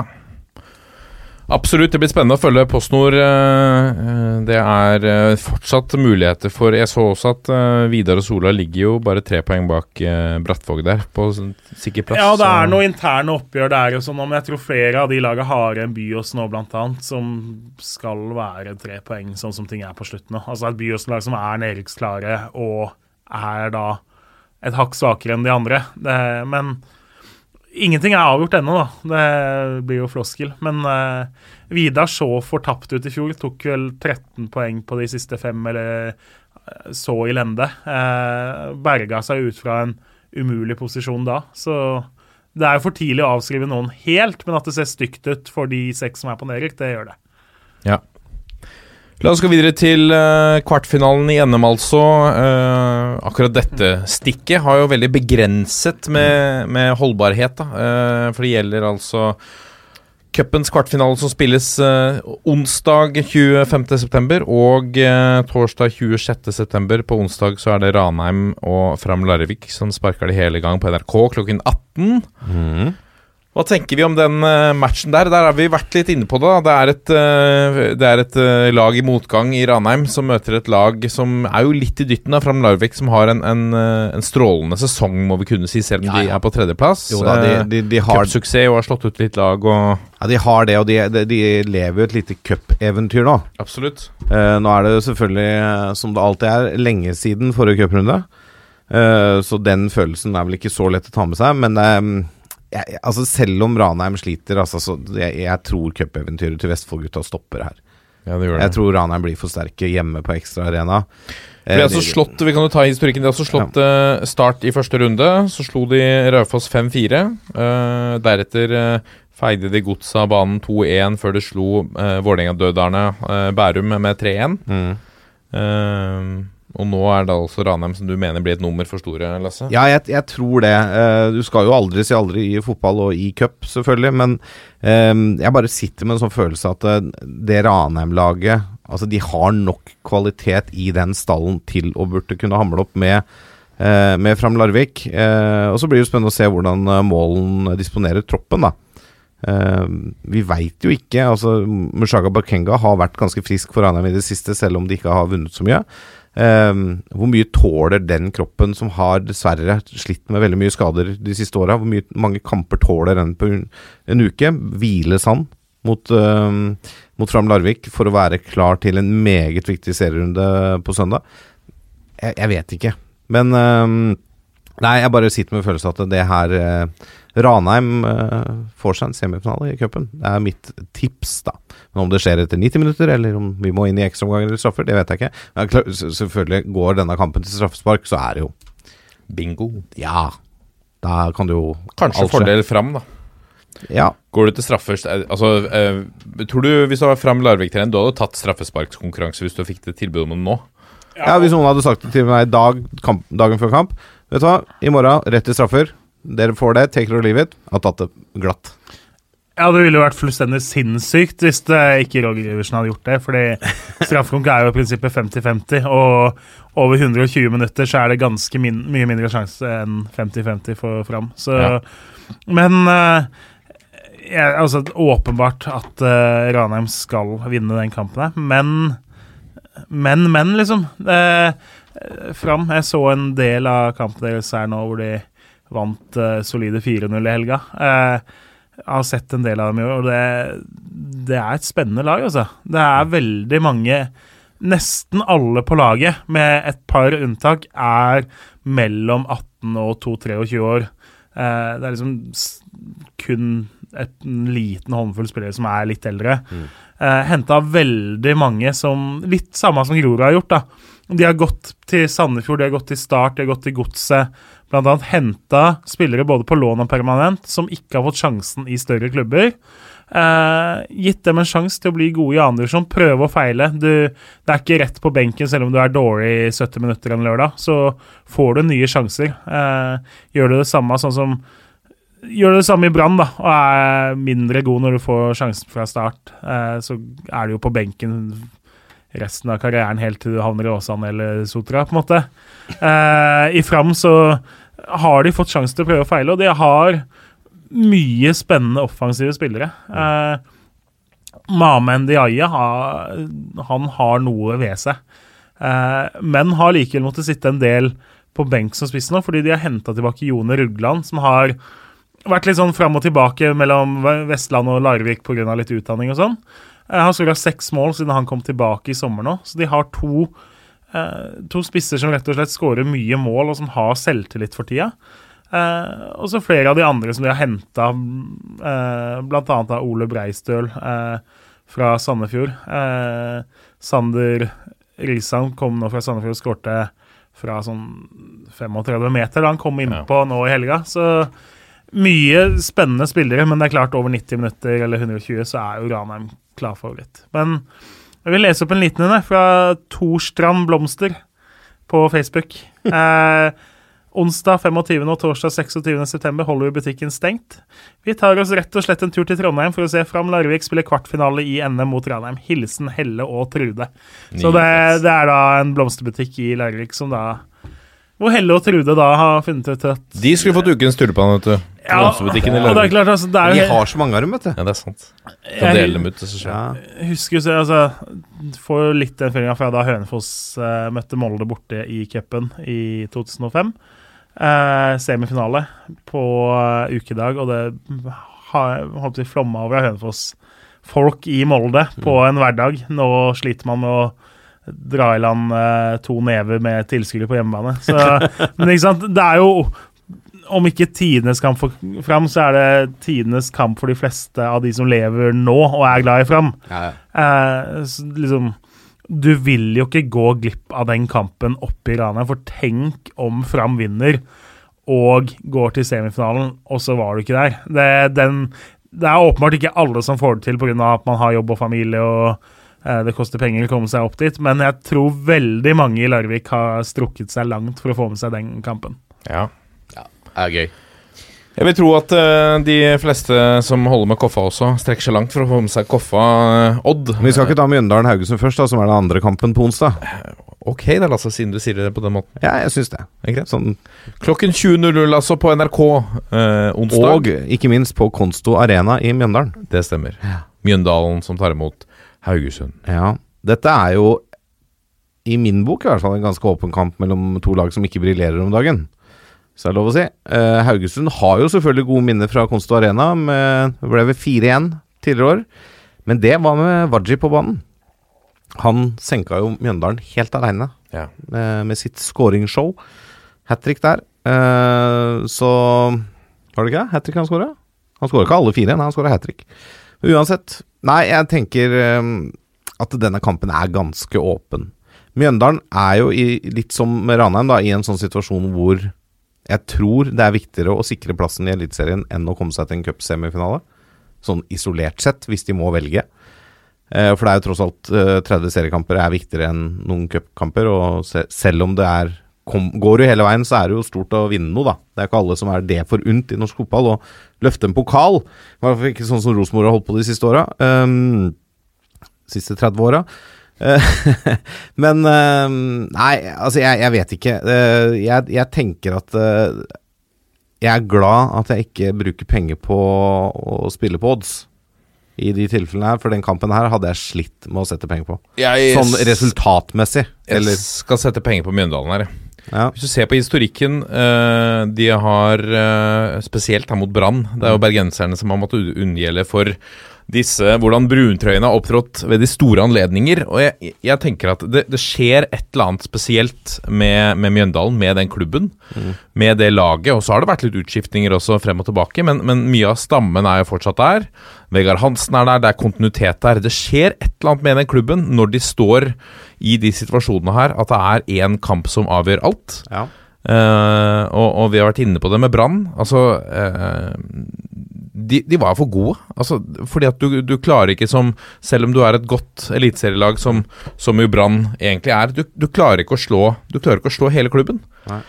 Eh, og akkurat der så er de eh, så, så ser jeg veldig dum ut, selvfølgelig, hvis eh, Haugesund feier deg banen 5-0. eh, eh, men, men, men, akkurat, ja, men akkurat der så tror jeg de er eh, litt foran Haugesund akkurat nå. Ja, men jeg, det Altså, motargumentet mot det er jo Er denne kampen stor nok? Ja, Du mener at det hadde vært større hvis det hadde vært semifinale? Ja, selvfølgelig. Hadde, Det hadde det vært. Men Det altså, man, man har jo litt inntrykk i den norske cupen at de første to rundene, det er jo fest. Mm. For da er det disse småklubbene som får besøk av de store klubbene, og det er folkefest. Og vaffel, vaffelpressa går varm i hele landet. Strømforbruket går i været, ikke sant. Og så er det de rundene da, tre-fire kvartfinale, er litt sånn meh. Altså, det er jo det. Har jo vært det. Og det syns jeg er jævlig synd. For Ja. det, det, står om å komme til semifinale i cupen. Er du heldig der, så er du først opp av bollen. Hvis uh, Lise Klavenes ikke rører så godt, uh, så er du først opp av bollen. Ikke må ikke rippe opp i det greiene. jeg har alltid rippet opp i det. Fiskekjønn. Det var Eh, fiskekjønn. Fiskekjønn. Eh, først opp av bollen, få hjemmekamp i semifinalen. Da er du én kamp unna en cupfinale på Ullevål stadion. Nå er du to kamper unna. Du er mm, ganske godt opp i gjørma i nedrykksstriden. Så er det hvilken, hvilke vurderinger gjøres da. Men jeg er jo helt enig. Altså, hvis de klarer å mobilisere uh, i Mjøndalen, både lag og alt rundt, til at dette blir en folkefest. Og det håper jeg det blir i Ranheim og i Mjøndalen og i Ålesund og på uh, Ekeberg. uh, at det blir ordentlig folkefest. Da er jo er, Da følger jeg argumentet ditt. Eh, altså, er, altså, jeg tror ikke det spares noen spillere her. Det, selv om Mjøndalen kanskje kunne gjort lurt til det, så er det kamp på onsdag. Neste kamp er i Stavanger på søndag. Mm. for dem så er det en unik mulighet. Ja, ja. Eh, Cupfinale vil være stort for dem uansett om det blir nedrykk eller ikke nedrykk. Eh, så altså Haugesund hjemme for dem i en kvartfinale, det er en god mulighet. Og når du ser laga som er igjen ellers, da, så er det jo Altså, du er jo borte med alle storlagene, selv om ok, Odd er på medaljeplass i Eliteserien nå, men de er jo eh, eneste på en måte topplaget som er igjen. Det er Rosenborg er borte, Molde er borte. Så kan du si at Vålerenga og Brann ikke er der de skal være nå. Men altså, alle de lagene som du egentlig gruer deg for å møte i en eventuell semifinale, eh, er de kan ende opp med å få Ranheim eller Viking eh, på hjemmebane i semien. Eh, bedre mulighet til å nå en cupfinale er det lenge til Mjøndalen får Helt eh, fra en kvartfinale, enn det de har nå. De er Det gjelder jo egentlig alle laga. ikke sant? Så altså, jeg, jeg blir veldig veldig overraska hvis noen sparer på noe krutt her. Det gjelder både altså, Det er jo kun Ranheim og Mjøndalen nesten som har noen grunn til det, sånn jeg ser det. Eh, Odd er favoritter i cupen, og ganske klare favoritter. De er ganske klare favoritter på Ekeberg og er det beste laget som er igjen. De sparer ikke noen spillere her for å eventuelt øke sjansen til bronse med noen ørsmå deler av noen promille, liksom. Så er det vel noen lag rett bak på eliteserietabellen som håper at de går all in på denne cupen. For vinner de cupen og får tredjeplass, så går vel europacupplass til fjerdeplasserte laget i Ja. Eliteserien. Rosenborg heter jo Odd i sin spede Ja. Det kan hende Rosenborg må være Odd-supportere på slutten tenk det, om de karrer seg Ja. til Europa etter den starten. Ja, det er en sak. Jeg, ja. Uh, nei, det blir, det blir gøy.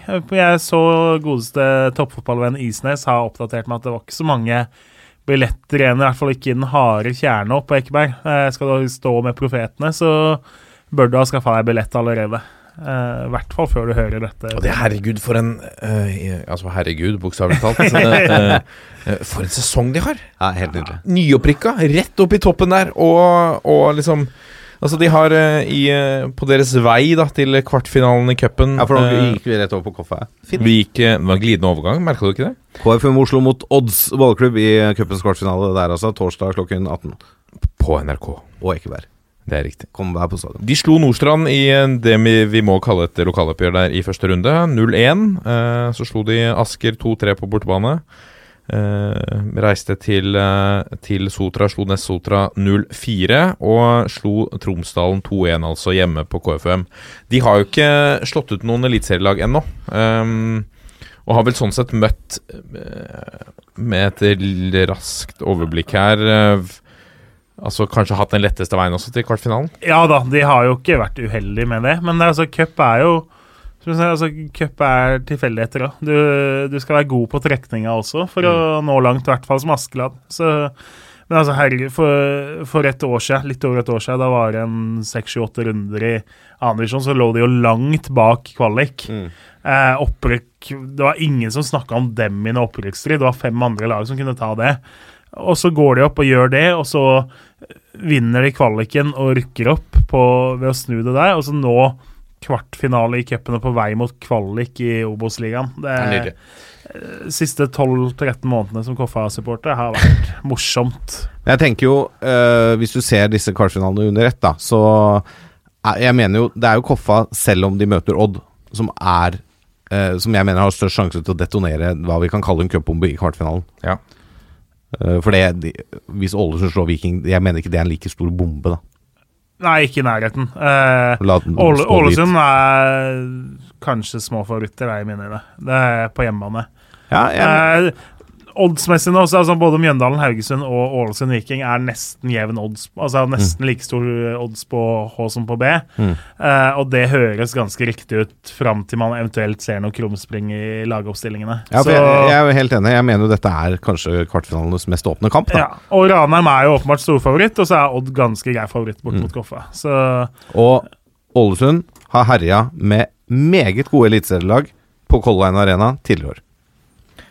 Absolutt. Og ikke minst slo de ut eh, Rosenborg på Lerkendal 6-5. Ja. Uh, før det så slo de ut Molde på Line med 4-0. Det er nesten sånn at du tenker at Ålesund fortjener cupfinale med den veien de har hatt.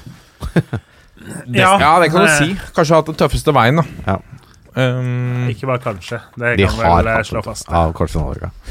Nei, men det blir gøy. Åh, cup, altså. La oss uh, prøve oss på en liten glidende overgang her til noen andre som har en, eh, en tøff uh, hverdag akkurat nå. Uh, vi må en tur til Valle, fordi 0-4 hjemme mot Viking.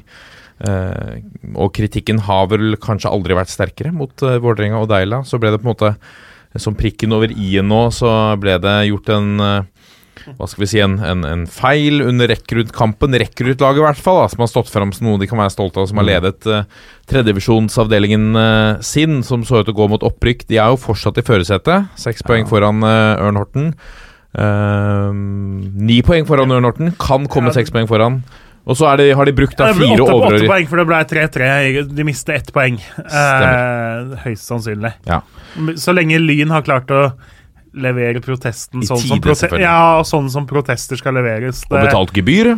Det har vært protester de siste årene som er avvist pga. at de er for seint, eller fordi du har huka av på feil ting, eller sendt det til feil e-post. altså, Det går an å gjøre feil der òg, tydeligvis. Men eh, Lyn har jo vært på andre siden av noen sånne saker, så vi får tro de har nyttig erfaring der. Og det- Tipper de har lært av uh, tidligere feil der. ja. ja, og det er klart, altså, det er jo Vi kan starte med det, da. Uh, Det er jo junior Altså, det er jo en helt uh, ubegripelig feil, egentlig, av Vålerenga. Fordi de stiller da med fire spillere som er for gamle. Du har lov til å ha tre på banen samtidig.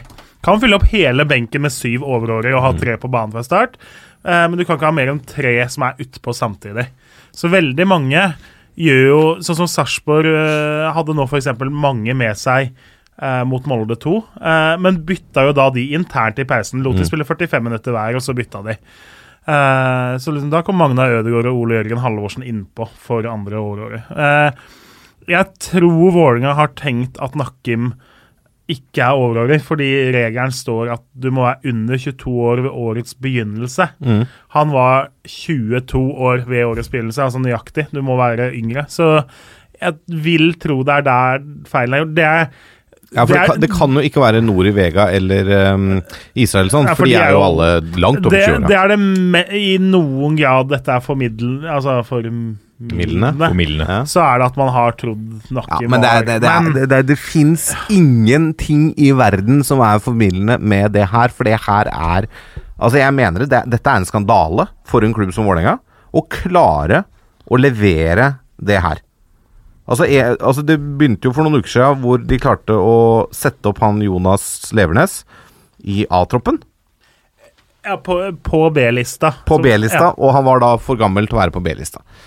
Uh, det ble oppdaga, han blir fjerna igjen, ikke sant? og så kommer du deg unna det. Og så kommer den her nå. Og så det lurer jeg på, Hvem er det som har ansvaret? Er det eh, sportslig administrativ leder Jørgen Ingebrigtsen? Er det trenerne på andre laget? Altså Gard Holm eller Tommy Berntsen? Altså, no, noen har jo ansvaret for dette. Du kan godt si at eh, altså det, det, Til syvende og sist er det de som tar ut laget, men det må jo være et sikkerhetsnett her.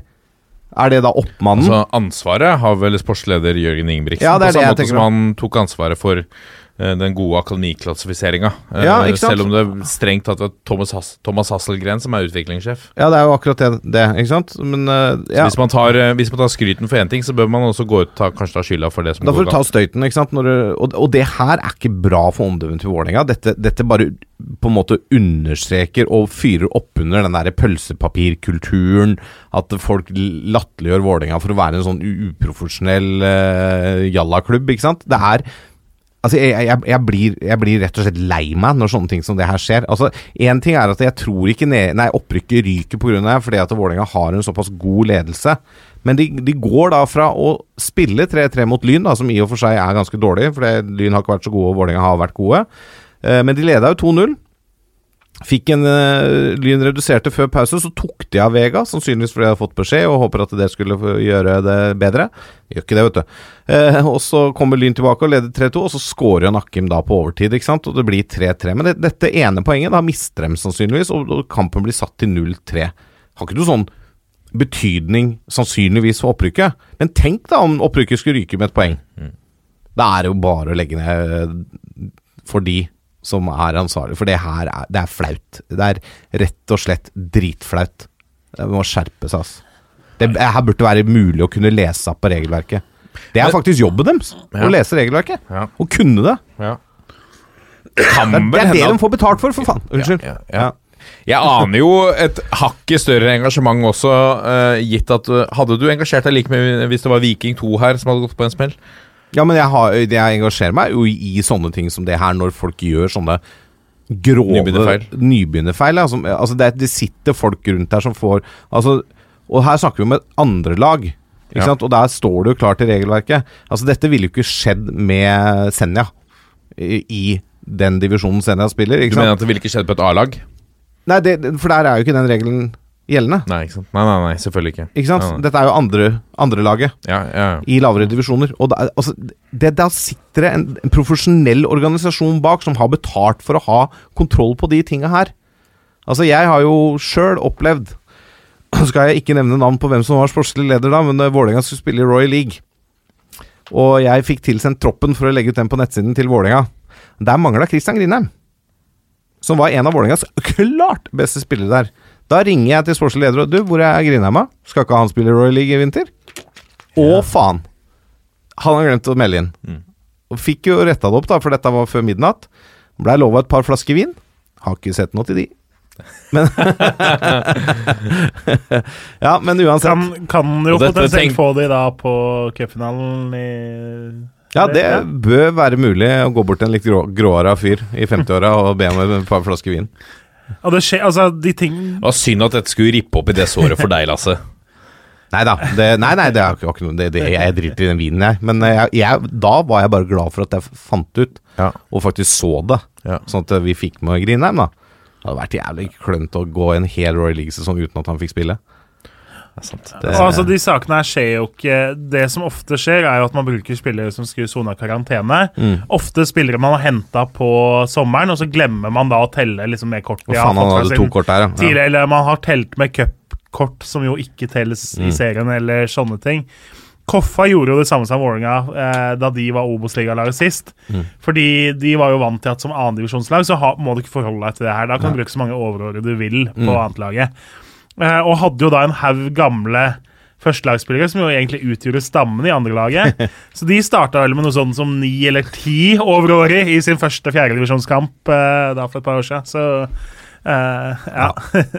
da hadde virkelig ingen tenkt på det før det dukka opp en protest. Men nei, klønete. Men eh, ja. Og det er jo Det bare understreker jo den situasjonen Vålerenga er i om dagen, da. Altså Det er litt som Murphys law, som noen skrev her. Altså Alt som går gærent, går gærent.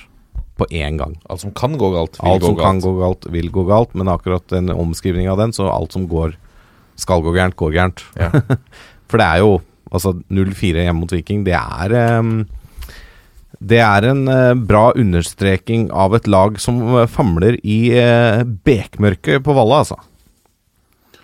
Ja, fordi man, eh, man begynner kanskje Nå har de jo eh, Nå har de jo forandret formasjon. Eh, de har jo solgt ei uke, og så sier jo mange at ja, men det er jo ikke et Én spiller utgjør jo ikke så mye. Ja, men han Men hvem sier det? For da Siden mange det- sier det. Nei, det er mye eksperter Ja, som sier ja. det, at en, en spiller skal ikke utgjøre så mye. Men, men du ser jo litt på resultatene, at det er jo før og etter i uke. Og så er det klart at ja, man kan jo si at troppen skal jo være solid nok til å takle tap av én spiller. Ja da. Men det er jo andre faktorer. her. Mohammed Abu, som har hatt en langt svakere sesong i år enn i fjor. Eh, de har også lagt om spillestilen. Eh, Akkurat nå så virker det litt sånn identitetsløse. De har lagt om spillesiden etter ei uke, så istedenfor å bruke han nye erstatteren som skal komme inn for ei uke i Ejuke-rollen. så har de henta inn en tyngre spiss, som gjør at nå skal de spille to spisser. eh, og slå innlegg som de jo Altså, eh, jeg tror jeg telte ett innlegg jeg, på kampen mot Viking. Som jo Du har to store, sterke spisser her mot slutten. Ja. Jeg telte ett innlegg hvorav Viking Det var jo hele nøkkelen til Vikings seier, var var jo gode innlegg. Mm. Uh, Nei, det, er, det, er mange, det er mange ting som har gått gærent. da, For at Fram til Vålerenga slo Bodø-Glimt 6-0, så var jo Vålerenga med i kampen om topp fire. Ja. Eh, da funka spesielt venstrebekken. Han Slo gode innlegg. Det kom eh, noen gode innlegg fra høyre òg. Eh, Abu var ikke god der, men Vålerenga funka jo bedre i den tida. Var det noen opp- og nedturer da òg, som det alltid er med Vålerenga. Det er jo aldri tre kamper på rad med seier, f.eks. Men men nei, det skal ikke være sånn at du mister én brikke. Og, men det er klart, eh, Abu dårligere form, Shala var ute med skada nå. Uh, Jonathan Tollos Nation, som kanskje er liksom vaktbikkje i Midtforsvaret, ute. Kaptein Adam Larsen Karasei, ja, greit. Uh, Claesson har spilt godt, han. Men det er kapteinen som blir borte. Selv om uh, Karasei ikke har vært strålende i år, han heller. Men han er kaptein, lederfigur, alt det der. Um, Jeg syns ikke Lekven har vært Han har sånn glimtvis i vår syns jeg han var ok, men så har han falt ned på det fjorårsnivået igjen, da, for å si det sånn. Matti Williamson har jo ikke vært i nærheten av det du så tendenser til i vår. Bård Finne er jo ikke i nærheten av det han, vi vet han kan levere. Jeg syns jo en av de beste spillerne til Vålerenga i den perioden nå er jo Aron Dønnum. Og det er jo kanskje litt fordi at han tør. Og han, det ser ut som det betyr noe for han. For det, altså jeg, jeg sier ikke at det ikke betyr noe for disse spillerne, men det ser dødt ut. Det ser flatt ut. Og det er jo til slutt trenerens ansvar, da, at han ikke klarer å få spillerne til å se ut som de bryr seg mer. Altså, jeg, jeg vet at det betyr noe for Ivan Nesberg. Han sto og gråt etter kampen mot Viking eh, på stadion der, og ble naturlig nok også hylla av klanen for det, men det er bare jeg, det, det er så mange ting som har gått gærent samtidig, virker det som. da Altså kollektiv formsvikt, og da har jo lyst til å nevne ja, altså Bengt Eriksen, da. Eh, I Eurosport-studio på ja, søndag, var det vel. Altså, Ronny Deila sier jo ja, vi trener hardt og vi jobber steinhardt, liksom. Men hva gjør du? Jobber du feil, da? Eller jobber du ikke steinhardt, liksom? Hva er greia? Jeg har hatt god treningsuke. Det har vi hørt nesten hver uke nå fram mot alle kampene. Men får du ikke ut i kamp. Ja, hvorfor får du det ikke ut i kamp, da? Hva er det som går gærent? Og jeg har sagt det, jeg savner det engasjementet som Deila viste som uh, godsetrener, som Celtic-trener, på sidelinja. Jeg syns han er tam. Jeg syns ikke han er den derre pådriveren på sidelinja, sånn som Pedersen i Godset nå, da. Han, han ser jo ut som en spitting image av Deila for sju-åtte år siden. Og så er det Han ser bare tam ut på sidelinja. Det er ikke noe Ikke sant? Det, jeg syns det må smelle mer, altså. Det, det, og nå åtte kamper uten seier. Jeg, altså 27 poeng. Og du ser hvilke kamper Vålerenga har igjen. Hvis ikke nå Ranheim blir slått til helga, da er Vålerenga i nedrykkssiden. Punktum. Da blir det en kamp resten av sesongen, for det er masse tøffe kamper igjen. Det er enten kamper mot lag som kjemper om noe helt oppi der, eller så er det kamper mot lag som kjemper om å unngå nedrykk. Du avslutter borte mot Mjøndalen. Du har Ranheim i neste, ikke sant? Du skal møte Molde på Intility. For å nevne noe. Du har Odd igjen. Er, nei, altså det, det Noe må altså De må klare å finne ut av dette. De, det er, dette får de godt betalt for, og spillerne må gå i seg sjøl også. De Vålerenga-spillerne er noen av de best betalte i Eliteserien. Men, men litt som jeg har spurt nå, jeg har snakket med litt, eh, litt forskjellige fotballeksperter om dette. Eh, jeg, jeg har spurt eh, samme spørsmål til alle. Jeg får stort sett det samme svaret. Og det er hvis du har Det er klart, nå, nå har jeg jobbet på de fleste hjemmekampene til Vålerenga. eh, og de siste åtte, altså ja, mer eller mindre hver gang de har tapt, da, så er det de samme svarene. Nei, vi må gå i oss sjøl. Vi må jobbe steinhardt. Vi må snu hver stein. Vi spiller med høye skuldre. Det er de samme svara man får, eh, man får hver gang. Og da, det er klart at uh, og, og, det, og det forstår jeg, men, men hva gjør man da? Når man, for, når man mener at man har forsøkt alt? Er det da et signal på at man er nødt til å gi seg? Overlate det til noen andre? Hvis du har forsøkt absolutt alt, så, så har du jo ikke noe mer, da. Ja, da får du først og fremst gå og titte i speilet, og så får du Men hvis du har gjort det Jo, men du Nå, stiller nå, Nei, sa, han vent, jo jo, jo, nå, jo, nå men- sa han jo nå etter kampen også Ja. Jeg har kikka meg i speilet. Ja, ok, da har han gjort det. Jo, Altså, men da må man gjøre det en gang til, og så må man stille seg spørsmålet Har jeg gjort alt godt nok? Ja. For det handler om det òg.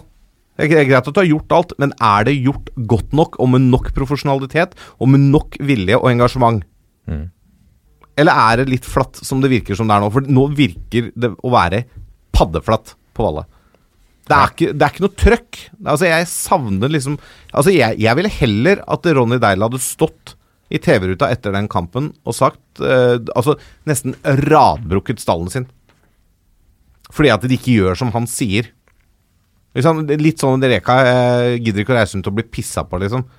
Altså, det, det, altså, gjør et eller annet for å få en reaksjon. Om, om så da gjør som eh, Christian Gauseth vel har fortalt en gang, at han eh, De sendte hele troppen på ferie en uke, eller hva faen det var. Ikke sant? Eh, nå har jo ferie vist seg å være dårlig greie for Vålerenga, da. Men altså, får dem til å tenke på noe annet. da Gi dem fri fire dager og si gå, gå og ta dere noen pils. Dra til Barcelona og se Champions League. Ikke sant? Et eller annet, da. Bare, bare gjør noe annerledes for å frigjøre Noe må frigjøres her. Ja. For det ligger jo noe energi der. Det ligger jo et potensial i disse spillerne. Det er jo ikke, de har jo ikke over natta blitt uh, Obos-ligaspillere, hele gjengen. Tror jeg, da. Men det er, det, det er klart at det er mye som Jeg tror det er mye vi ikke veit, og så tror jeg det er mye vi, eh, vi aldri får vite. Og så tror jeg også det er mye som ligger bak her som er mer komplekst enn bare jobb hardere. Men det må jo begynne et sted, og det må begynne med at alle får gå i seg sjøl og tenke har jeg gjort alt jeg kan? Og så må Vålerenga finne ut framover hvordan vil vi være som klubb? Hvilket ambisjonsnivå skal vi ha? Og så får det være litt mer realistiske forventninger. Og så får de finne ut hvordan i svarte skal vi klare å unngå at vi går på en smell år etter år etter sommerpausen. For det har jo skjedd. Det har vi vært innom her før. Mm. For det er, jo, det er jo den store hemskoen her. Kanskje man bør grave litt? Hva skjer den sommeren? Ja, hva, hva gjør Hvor er fokuset den ja, sommeren? Ja, ikke sant? Det er jo bare å grue seg til 2020, hvor det vel er fem uker med EM-pause eller et eller annet sånt. Så det Ja, Obos, altså. Ja. Nei, la oss uh, vi, vi får gå litt videre. Det er vel ikke sikkert at det siste ordet om Vålerenga er sagt i dette studioet i, i 2019. Jeg har lyst til å ta med på tampen jeg, NordicBet, som har uh, lansert en sånn god gammeldags uh, Vålerenga-trener ved seriestart 2020-odds. Hvor, øh, hvor Ronny Deila får fem. Øh, det er jo lavest, sammen med Jan Jønsson. Altså Noen ganger er man frista til å tro at de vet noe ikke vi vet, men, eh, men det virker for meg ganske usannsynlig. Interessante navn på denne listen er jo Ståle Solbakken på 75, Egil Drillo Olsen på 75. Vår mann eh, Luis Pimenta på 50. Det kunne, kunne jeg likt. Der har du en mann eh, Der er det en mann som spretter rundt på sidelinja, Lasse. Som, som i hvert fall Ja, sender klare meldinger. Jo, men det, ja, ikke sant? men det er jo ikke det at jeg skal, absolutt skal ha en sånn mann. Men du vil ha det nå? Ja, men jeg, nei, men jeg vil ha uh, Ronny Deila som Ronny Deila. Ja. Sånn som vi kjenner Ronny Deila. Når, altså, han har jo fått til ting før. Ja. Så jeg, jeg, det, det er liksom Nei, jeg, jeg, altså det er jo ikke det at jeg skal ha en klovn på sidelinja som hopper og spretter rundt for å hoppe og sprette rundt. Jeg tar gjerne en helt lugn Lars Lagerbäck-type, jeg, så lenge han får laget til å fungere. ja. Men eh, altså, det er jo masse spennende navn på den lista her, da. Jørn Andersen. Ja, det hadde vært gøy. Trond Solli. Fram, fram. Glemselen. Uh, Marti Sifuentes. Det, det er det jo flere som kunne like. Det har jeg Men, sett på men hvis jeg skal se sånn helt eh, på en måte realistisk på lista her, da. Eh, Du nevnte Deila Jønsson, så står Tor Ole Skullerud på sju. Per-Mathias Høgmo på ti. eh, Lars Bohin og Jørgen Isnes på ti. De to tror jeg vel fort er sånn realistisk sett, da. Kanskje de mest aktuelle kandidatene hvis Deila får sparken, mener jeg. Og de hadde vel takket ja, begge to. Ja, det, ja, det, det vet jeg jo ikke. Det vil jeg anta. Men uh, da er jo Da må jo Lars få muligheten. Han er jo en helt annen spiller. Altså Han vil ha en annen type fotball enn 4-2-3-1. Han er en 3-5-2-mann. Men er det noe som, eh, som eh, virker da interessant for meg, så er det en mann som vet hvilken formasjon han vil ha, og, og står beinhardt på den. Jo, han sa vel også noe med, med, med Da Sandefjord Han vil heller rykke ned enn å, enn å endre formasjon. Ja, men det, det er jo sånn litt sånn famous last words òg, da, på Absolutt. mange måter. Men Deila òg er jo ganske tro mot 4-2-3-1, altså. Altså Selv om du sier at de spiller med to spisser, så er jo egentlig Matti Williamson i tierrollen bak uh, Maron George. Ja, Men hvis du er så tro med den, mot den formasjonen, hvorfor henter du da ikke spillere som passer inn i Nei, formasjonen du skal spille? Helt enig. Så da er du ikke så tro mot formasjonen? Nei, nei, du er, nei men du, du må hente spillere Det er jo et jævlig godt poeng. Da. Du må hente spillere som passer i formasjon. Ja. Ikke bare hente en spiller fordi at eh, han i hermetegn er verdt 25 millioner, og derfor vurderte vi ikke Moses Mava. For vi kan hente en spiller som er verdt 25 millioner på lån et halvt år, istedenfor å ta en langtidskontrakt på en spennende uh, spiller fra Koffa uh, som vi kan uh, forme og kanskje selge med fortjeneste om x antall år. Og det er jo en spiller som i hvert fall bikkjer rundt på banen der, og hadde passa perfekt for et lag som trenger å ha noen som går litt foran med brystkassa fram og smeller til litt, da. Og er Oslo-gutt. Ikke minst. Så nei, det, det blir spennende å se hva som skjer. Vi kan jo runde av dette. Vi kjørte en poll på Twitter. Vi fikk eh, 309 stemmer. Eh, eh, Alternativene var hvem eh, Eller spørsmålet var hvem bør, bør Vålerenga hente dersom Deila går. Alternativene var Jørgen Isnes, Lars Bohin, Åge Hareide, som er på utgående kontrakt i Danmark. Eller en annen. Og en annen gikk av med seieren. 31 eh, Like bak var Lars Bohin på 29 og Jørgen Isnes på 27. Det er kun 13 som ønsker seg Åge Hareide, altså. Jeg har ikke satt opp odds på Hareide engang, ser jeg. I hvert fall ikke Det er lavere enn 75, da. Det kan Nei, være. høyere, mener jeg. Det kan være. Ja.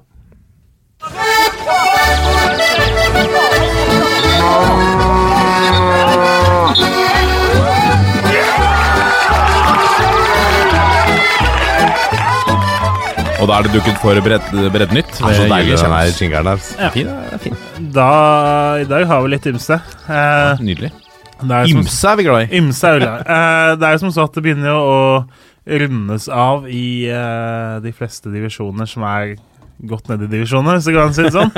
eh, noen eh, lag har til og med spilt ferdig sine sesonger allerede. Så I september? yes. Skal vi ikke holde på til advent? Eh, og vi skal innom ett av laga. Fordi, men eh, først så tenkte vi oss en tur til Jeg kaller det Nord-Trøndelag ennå. Jeg har jo bodd i Sør-Trøndelag da det var to Trøndelag, så la, vi kaller det Nord-Trøndelag.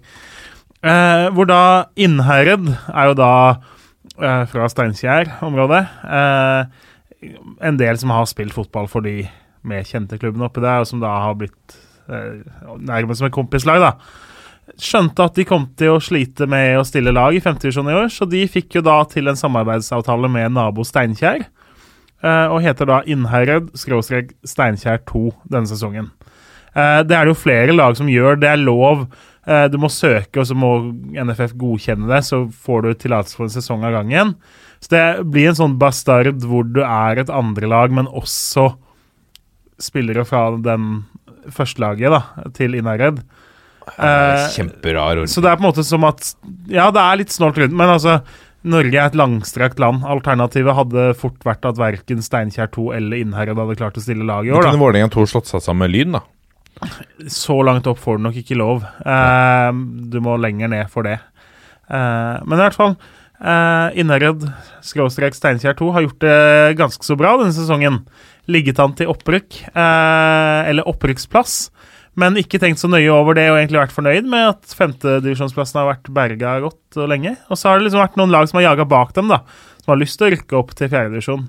Uh, og da plutselig fikk svaret om at uh, Innherred Steinkjer 2 Jo da, de kan rykke opp. Selv om fordi her kommer det spesielle. Steinkjer er jo på vei ned i fjerdedivisjon. De må, der må det et mirakel eller to til, altså på nivå med Jesu oppstandelse og litt mer, uh, for at de skal berge plassen. Så de spiller fjerdedivisjon neste år. Men Innherred Steinkjer 2 kan likevel rykke opp til fjerdedivisjon. Bare at neste år så er de da kun Innherred i fjerdedivisjon.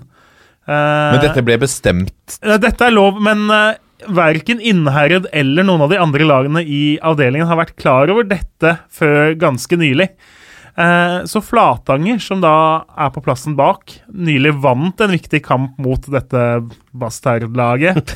eh, eh, har da lagt inn protest og er klaget det i lokalavisa Namdalsavisa. Og varsler da at hvis Innherred rykker opp, så blir det en felles protest fra hele avdelinga, eller i hvert fall flere av klubbene i avdelinga. Eh, interessant case, og Innherred har jo da på egen hjemmeside skrevet at de er minst like overrasket som alle andre over at det ser ut til å gå mot opprykk, men eh, blir det opprykk, så takker de ja. fordi takker man nei, så blir man satt ned til sjette divisjon, og de har ikke lyst til å gå tilbake til sjette divisjon. De vil egentlig være i femte, men syns da fjerde er bedre enn sjette divisjon, tross alt. Så snodig situasjon som egentlig ingen har tenkt over. og uh, Nå gjenstår to kamper. De ligger i poenget foran Flatanger. Møter da soleklare jumboen i neste kamp, og så da uh, Nessegutten. Gode, gamle, klassiske Nessegutten. Sportsklubben. Nessegutten, ja. Nessegutten, som er et av lagene bak nettopp Levanger, da.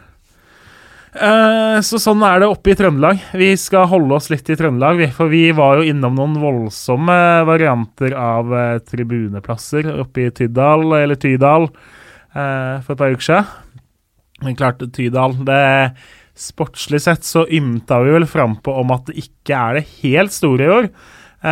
Status etter 16 kamper er tross alt null poeng i femtedivisjon. Eh, slitt med å stille lag i det siste. Vi var innom vel at det ble 0-10 i lokaloppgjøret for Selbu. Fulgte jo da opp ved å reise inn til Trondheim, spille på Rosenborgbanen og tape 0-18 for Kvikk 2. Shit, Eh, I en kamp hvor da trener Olav Harry Østby, som er 61 år, var eh, lagets nest yngste spiller. eh, av de eh, ti de faktisk klarte å stille til start eh, den kampen, hvis det er helt riktig. Eh, så det er jo litt det er klart, du, du kommer til byen og har null poeng og stiller ti mann, inkludert da én på 61 og én på 63 år, eh, som da, eh, da Ja. Eh, men klart, 0-18 mot eh, Kvikk 2 er ikke så ille når du vet at de nå eh, i går eh, møtte serieleder NTNI 2 på hjemmebane.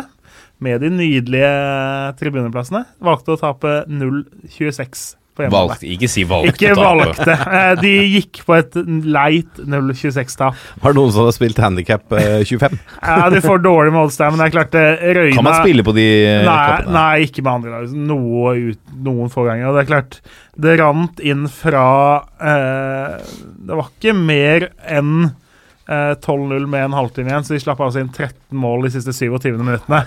Eh, det er ganske tett mellom målene i oversikten her. Så eh, ser litt tungt ut. Har stilt med et par damer og for stille lag, men altså De stiller lag, da. De har er, det, er det lov? Som forsikring? Hvis du ja, ja, du kan denne. Ja. forsikring ja, og sånn? Ja da. Eh, så altså de, I 2017 endte de midt på tabellen i fjerdedivisjon. Spilte 3-3 mot Ranheim 2, blant annet.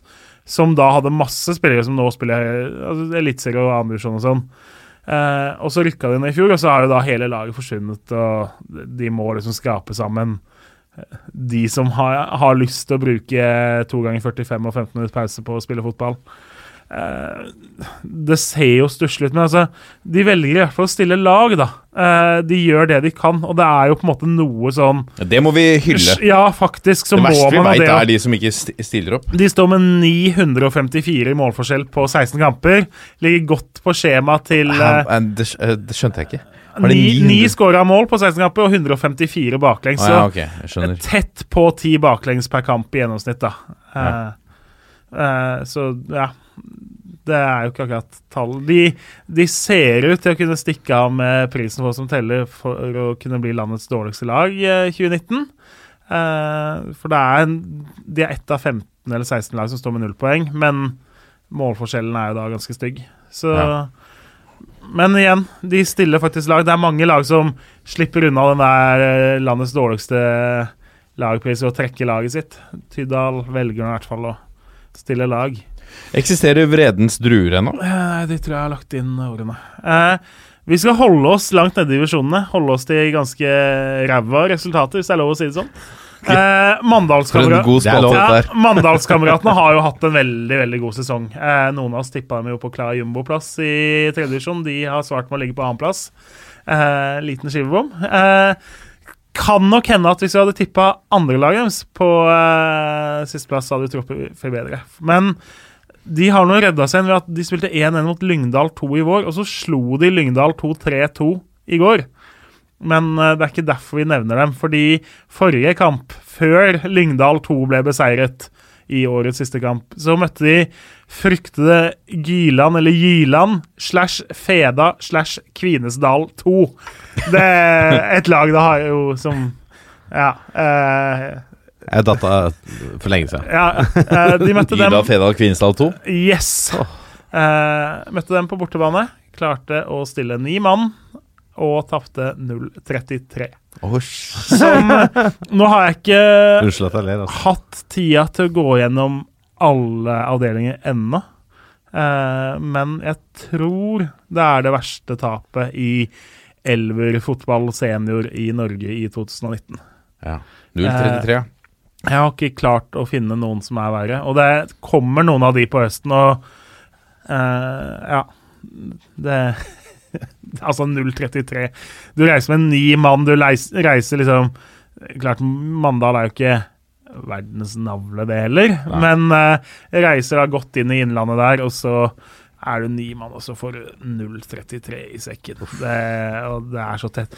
Altså, stå, de slapp inn i det 80., 82., 83., 84., 85., 87. og på overtid, liksom. Så det, det, det røyner godt på på slutten der. Det minner meg om uh, mitt kjære Ørn Kristiania. Vi var litt ambisiøse. Vi meldte oss på i andredivisjon i fotsal et, uh, et år, uten å vite da at alle kampene gikk klokken 09.00 lørdag morgen. I Bjørndalhallen og sånn. Ja, det stemmer. det stemmer Der slet vi jo med oppmøte, uh, og vi slet også med de oppmøtte, kan vi si.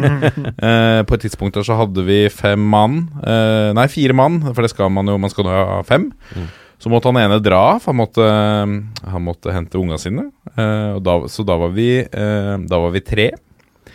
Eh, eh, og da var vi én altså i forsvar, meg i mål og en spiss. Eh, da var vi så slitne at vi slo ballen langt, eh, slik at vår spiss bare sto og drøyde oppe ved cornerflagget. Da lå vi under sånn 10-0, allikevel så kom det syv til, altså, så vi tapte 17-1. Ja. Du skåra, da. Skåra etter. Ja. Ja, det, Imponerende. Det er klart, det er klart. Jeg tenker vi skal runde av med Altså, det er jo så mange Jeg kan litt breddefotball, jeg òg. Ja da. Du, du, du, har, du, er en av de som gjør at breddefotballen i Norge eksisterer, hvis du kan si. Altså. det er sant. Uh, avrunde med en liten hyllest fra Fyllingsdalen til deres uh, faste spiker gjennom 30 år, Otto. Uh, som nå da har Jeg mener jeg så i teksten Han har runda 75 år. Altså via snart halve livet sitt eh, etter hvert til å være speaker på kampene til Fyllingen og så Fyllingsdalen.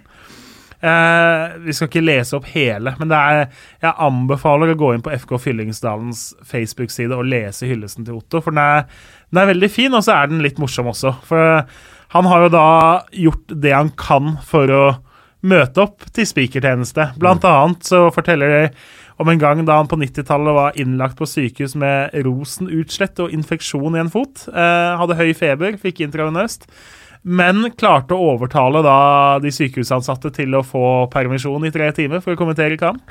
Eh, så visstnok såpass eh, skrøpelig ut eh, at han valgte da å gjemme seg i noen busker og være spiker, For han ville, han ville ikke vise seg for sine bekjente på en måte i den tilstanden han var da. Eh, skal også ha fått gult kort av dommer for å ha kommentert at et gult kort eh, var tvilsomt. Noe som fikk dommeren til å da ha vist det gule mot er uh. Stor humor av Ja, da. Det er ikke sikkert det var humor heller, vet du. Nei, nei, nei. Så ja, rett og slett eh, nydelig. Og det er jo sånn Det finnes jo veldig mange Otto rundt om i Det Norge. mye Det er kjempe... Altså, vi hadde jo ikke gjort annet hvis vi skulle begynt å hylle alle, men det, eh, Otto får på en måte hylles nå på vegne av alle de som faktisk gjør disse oppgavene. Og da Én ting er foreldre og de som er på en måte ansatt og har ambisjoner som trenere og alt sånn. All hyllest til dem. Og så har du de som liksom ikke har noe tilknytning. De, bare, de er der for klubben og pumper baller og leser da lagoppstillinger som spiker på damekamper og juniorkamper og guttekamper og femtedivisjonskamper og alt mulig. Eh, det er nydelig, og det, jeg syns Fyllingsdalen har gjort en fin ting da ved å hylle de. La oss, la oss hylle alle de som faktisk får eh, hjulene til å gå rundt i norsk fotball. Absolutt. En uh, enstemmig hyllest herfra, i hvert fall. Ja, helt klart. Det er bare, bare å stille seg bak det Jørgen sier. Jeg kan jo hive meg på da på den uh, Apropos spikere, som, har vært, eh, som har vært veldig bra, så må jeg hive meg på en annen som, som uh, var litt breial der. Vår Ørn Hortens egen Svein Harald Risnes, som sikkert har Det er ikke sikkert han har 30 år, men jeg tipper han har i hvert fall 20 år som, som spiker i Horten. Han han krediterte dommeren for en scoring her mot Strømsgodset i, i eh, førstedivisjon, eller annendivisjon. Strømsgodset 2. Eh, og det ble, det ble belønnet med bot på 25 000 fra, fra Norges Fotballforbund. Det var ikke så veldig populært. Det skjønner jeg. Men, eh, men det var helt rettmessig. Han gikk eh, Altså, han hadde ikke gått i mål hadde ikke dommeren vært involvert. Derav eh, burde man også føre den opp på dommeren. Nydelig det, Kjernås. Ja, ganske så fint, vil jeg Ja, si. ja, det vil jeg si. Eh, og det er klart, vi har, jeg har litt oversikt. Noen av oss har jo eh, Prøver å finne alle lagene som har vunnet alt og tapt alt så langt i år, men jeg tenker vi tar en liten oppsummering snart. eh, fordi ja, vi må jo prøve å finne ut hvem som fortjener hyllest og litt slakt eh, der òg. Ja, det begynner å bli seint nå, så vi Ja, det begynner å bli begynne veldig seint. Årets Udal Ja. også må, må, Må gjøres. kommes inn snart, men det, det er kamper igjen. Uh, ja. Vi er uh, Toppfotball på Facebook, Twitter og Instagram. Gå gjerne inn og legg inn en rating også, så blir vi veldig fornøyd. Så må vi runde av på 1, 2, 3. Vi er i gjeng! Ha det!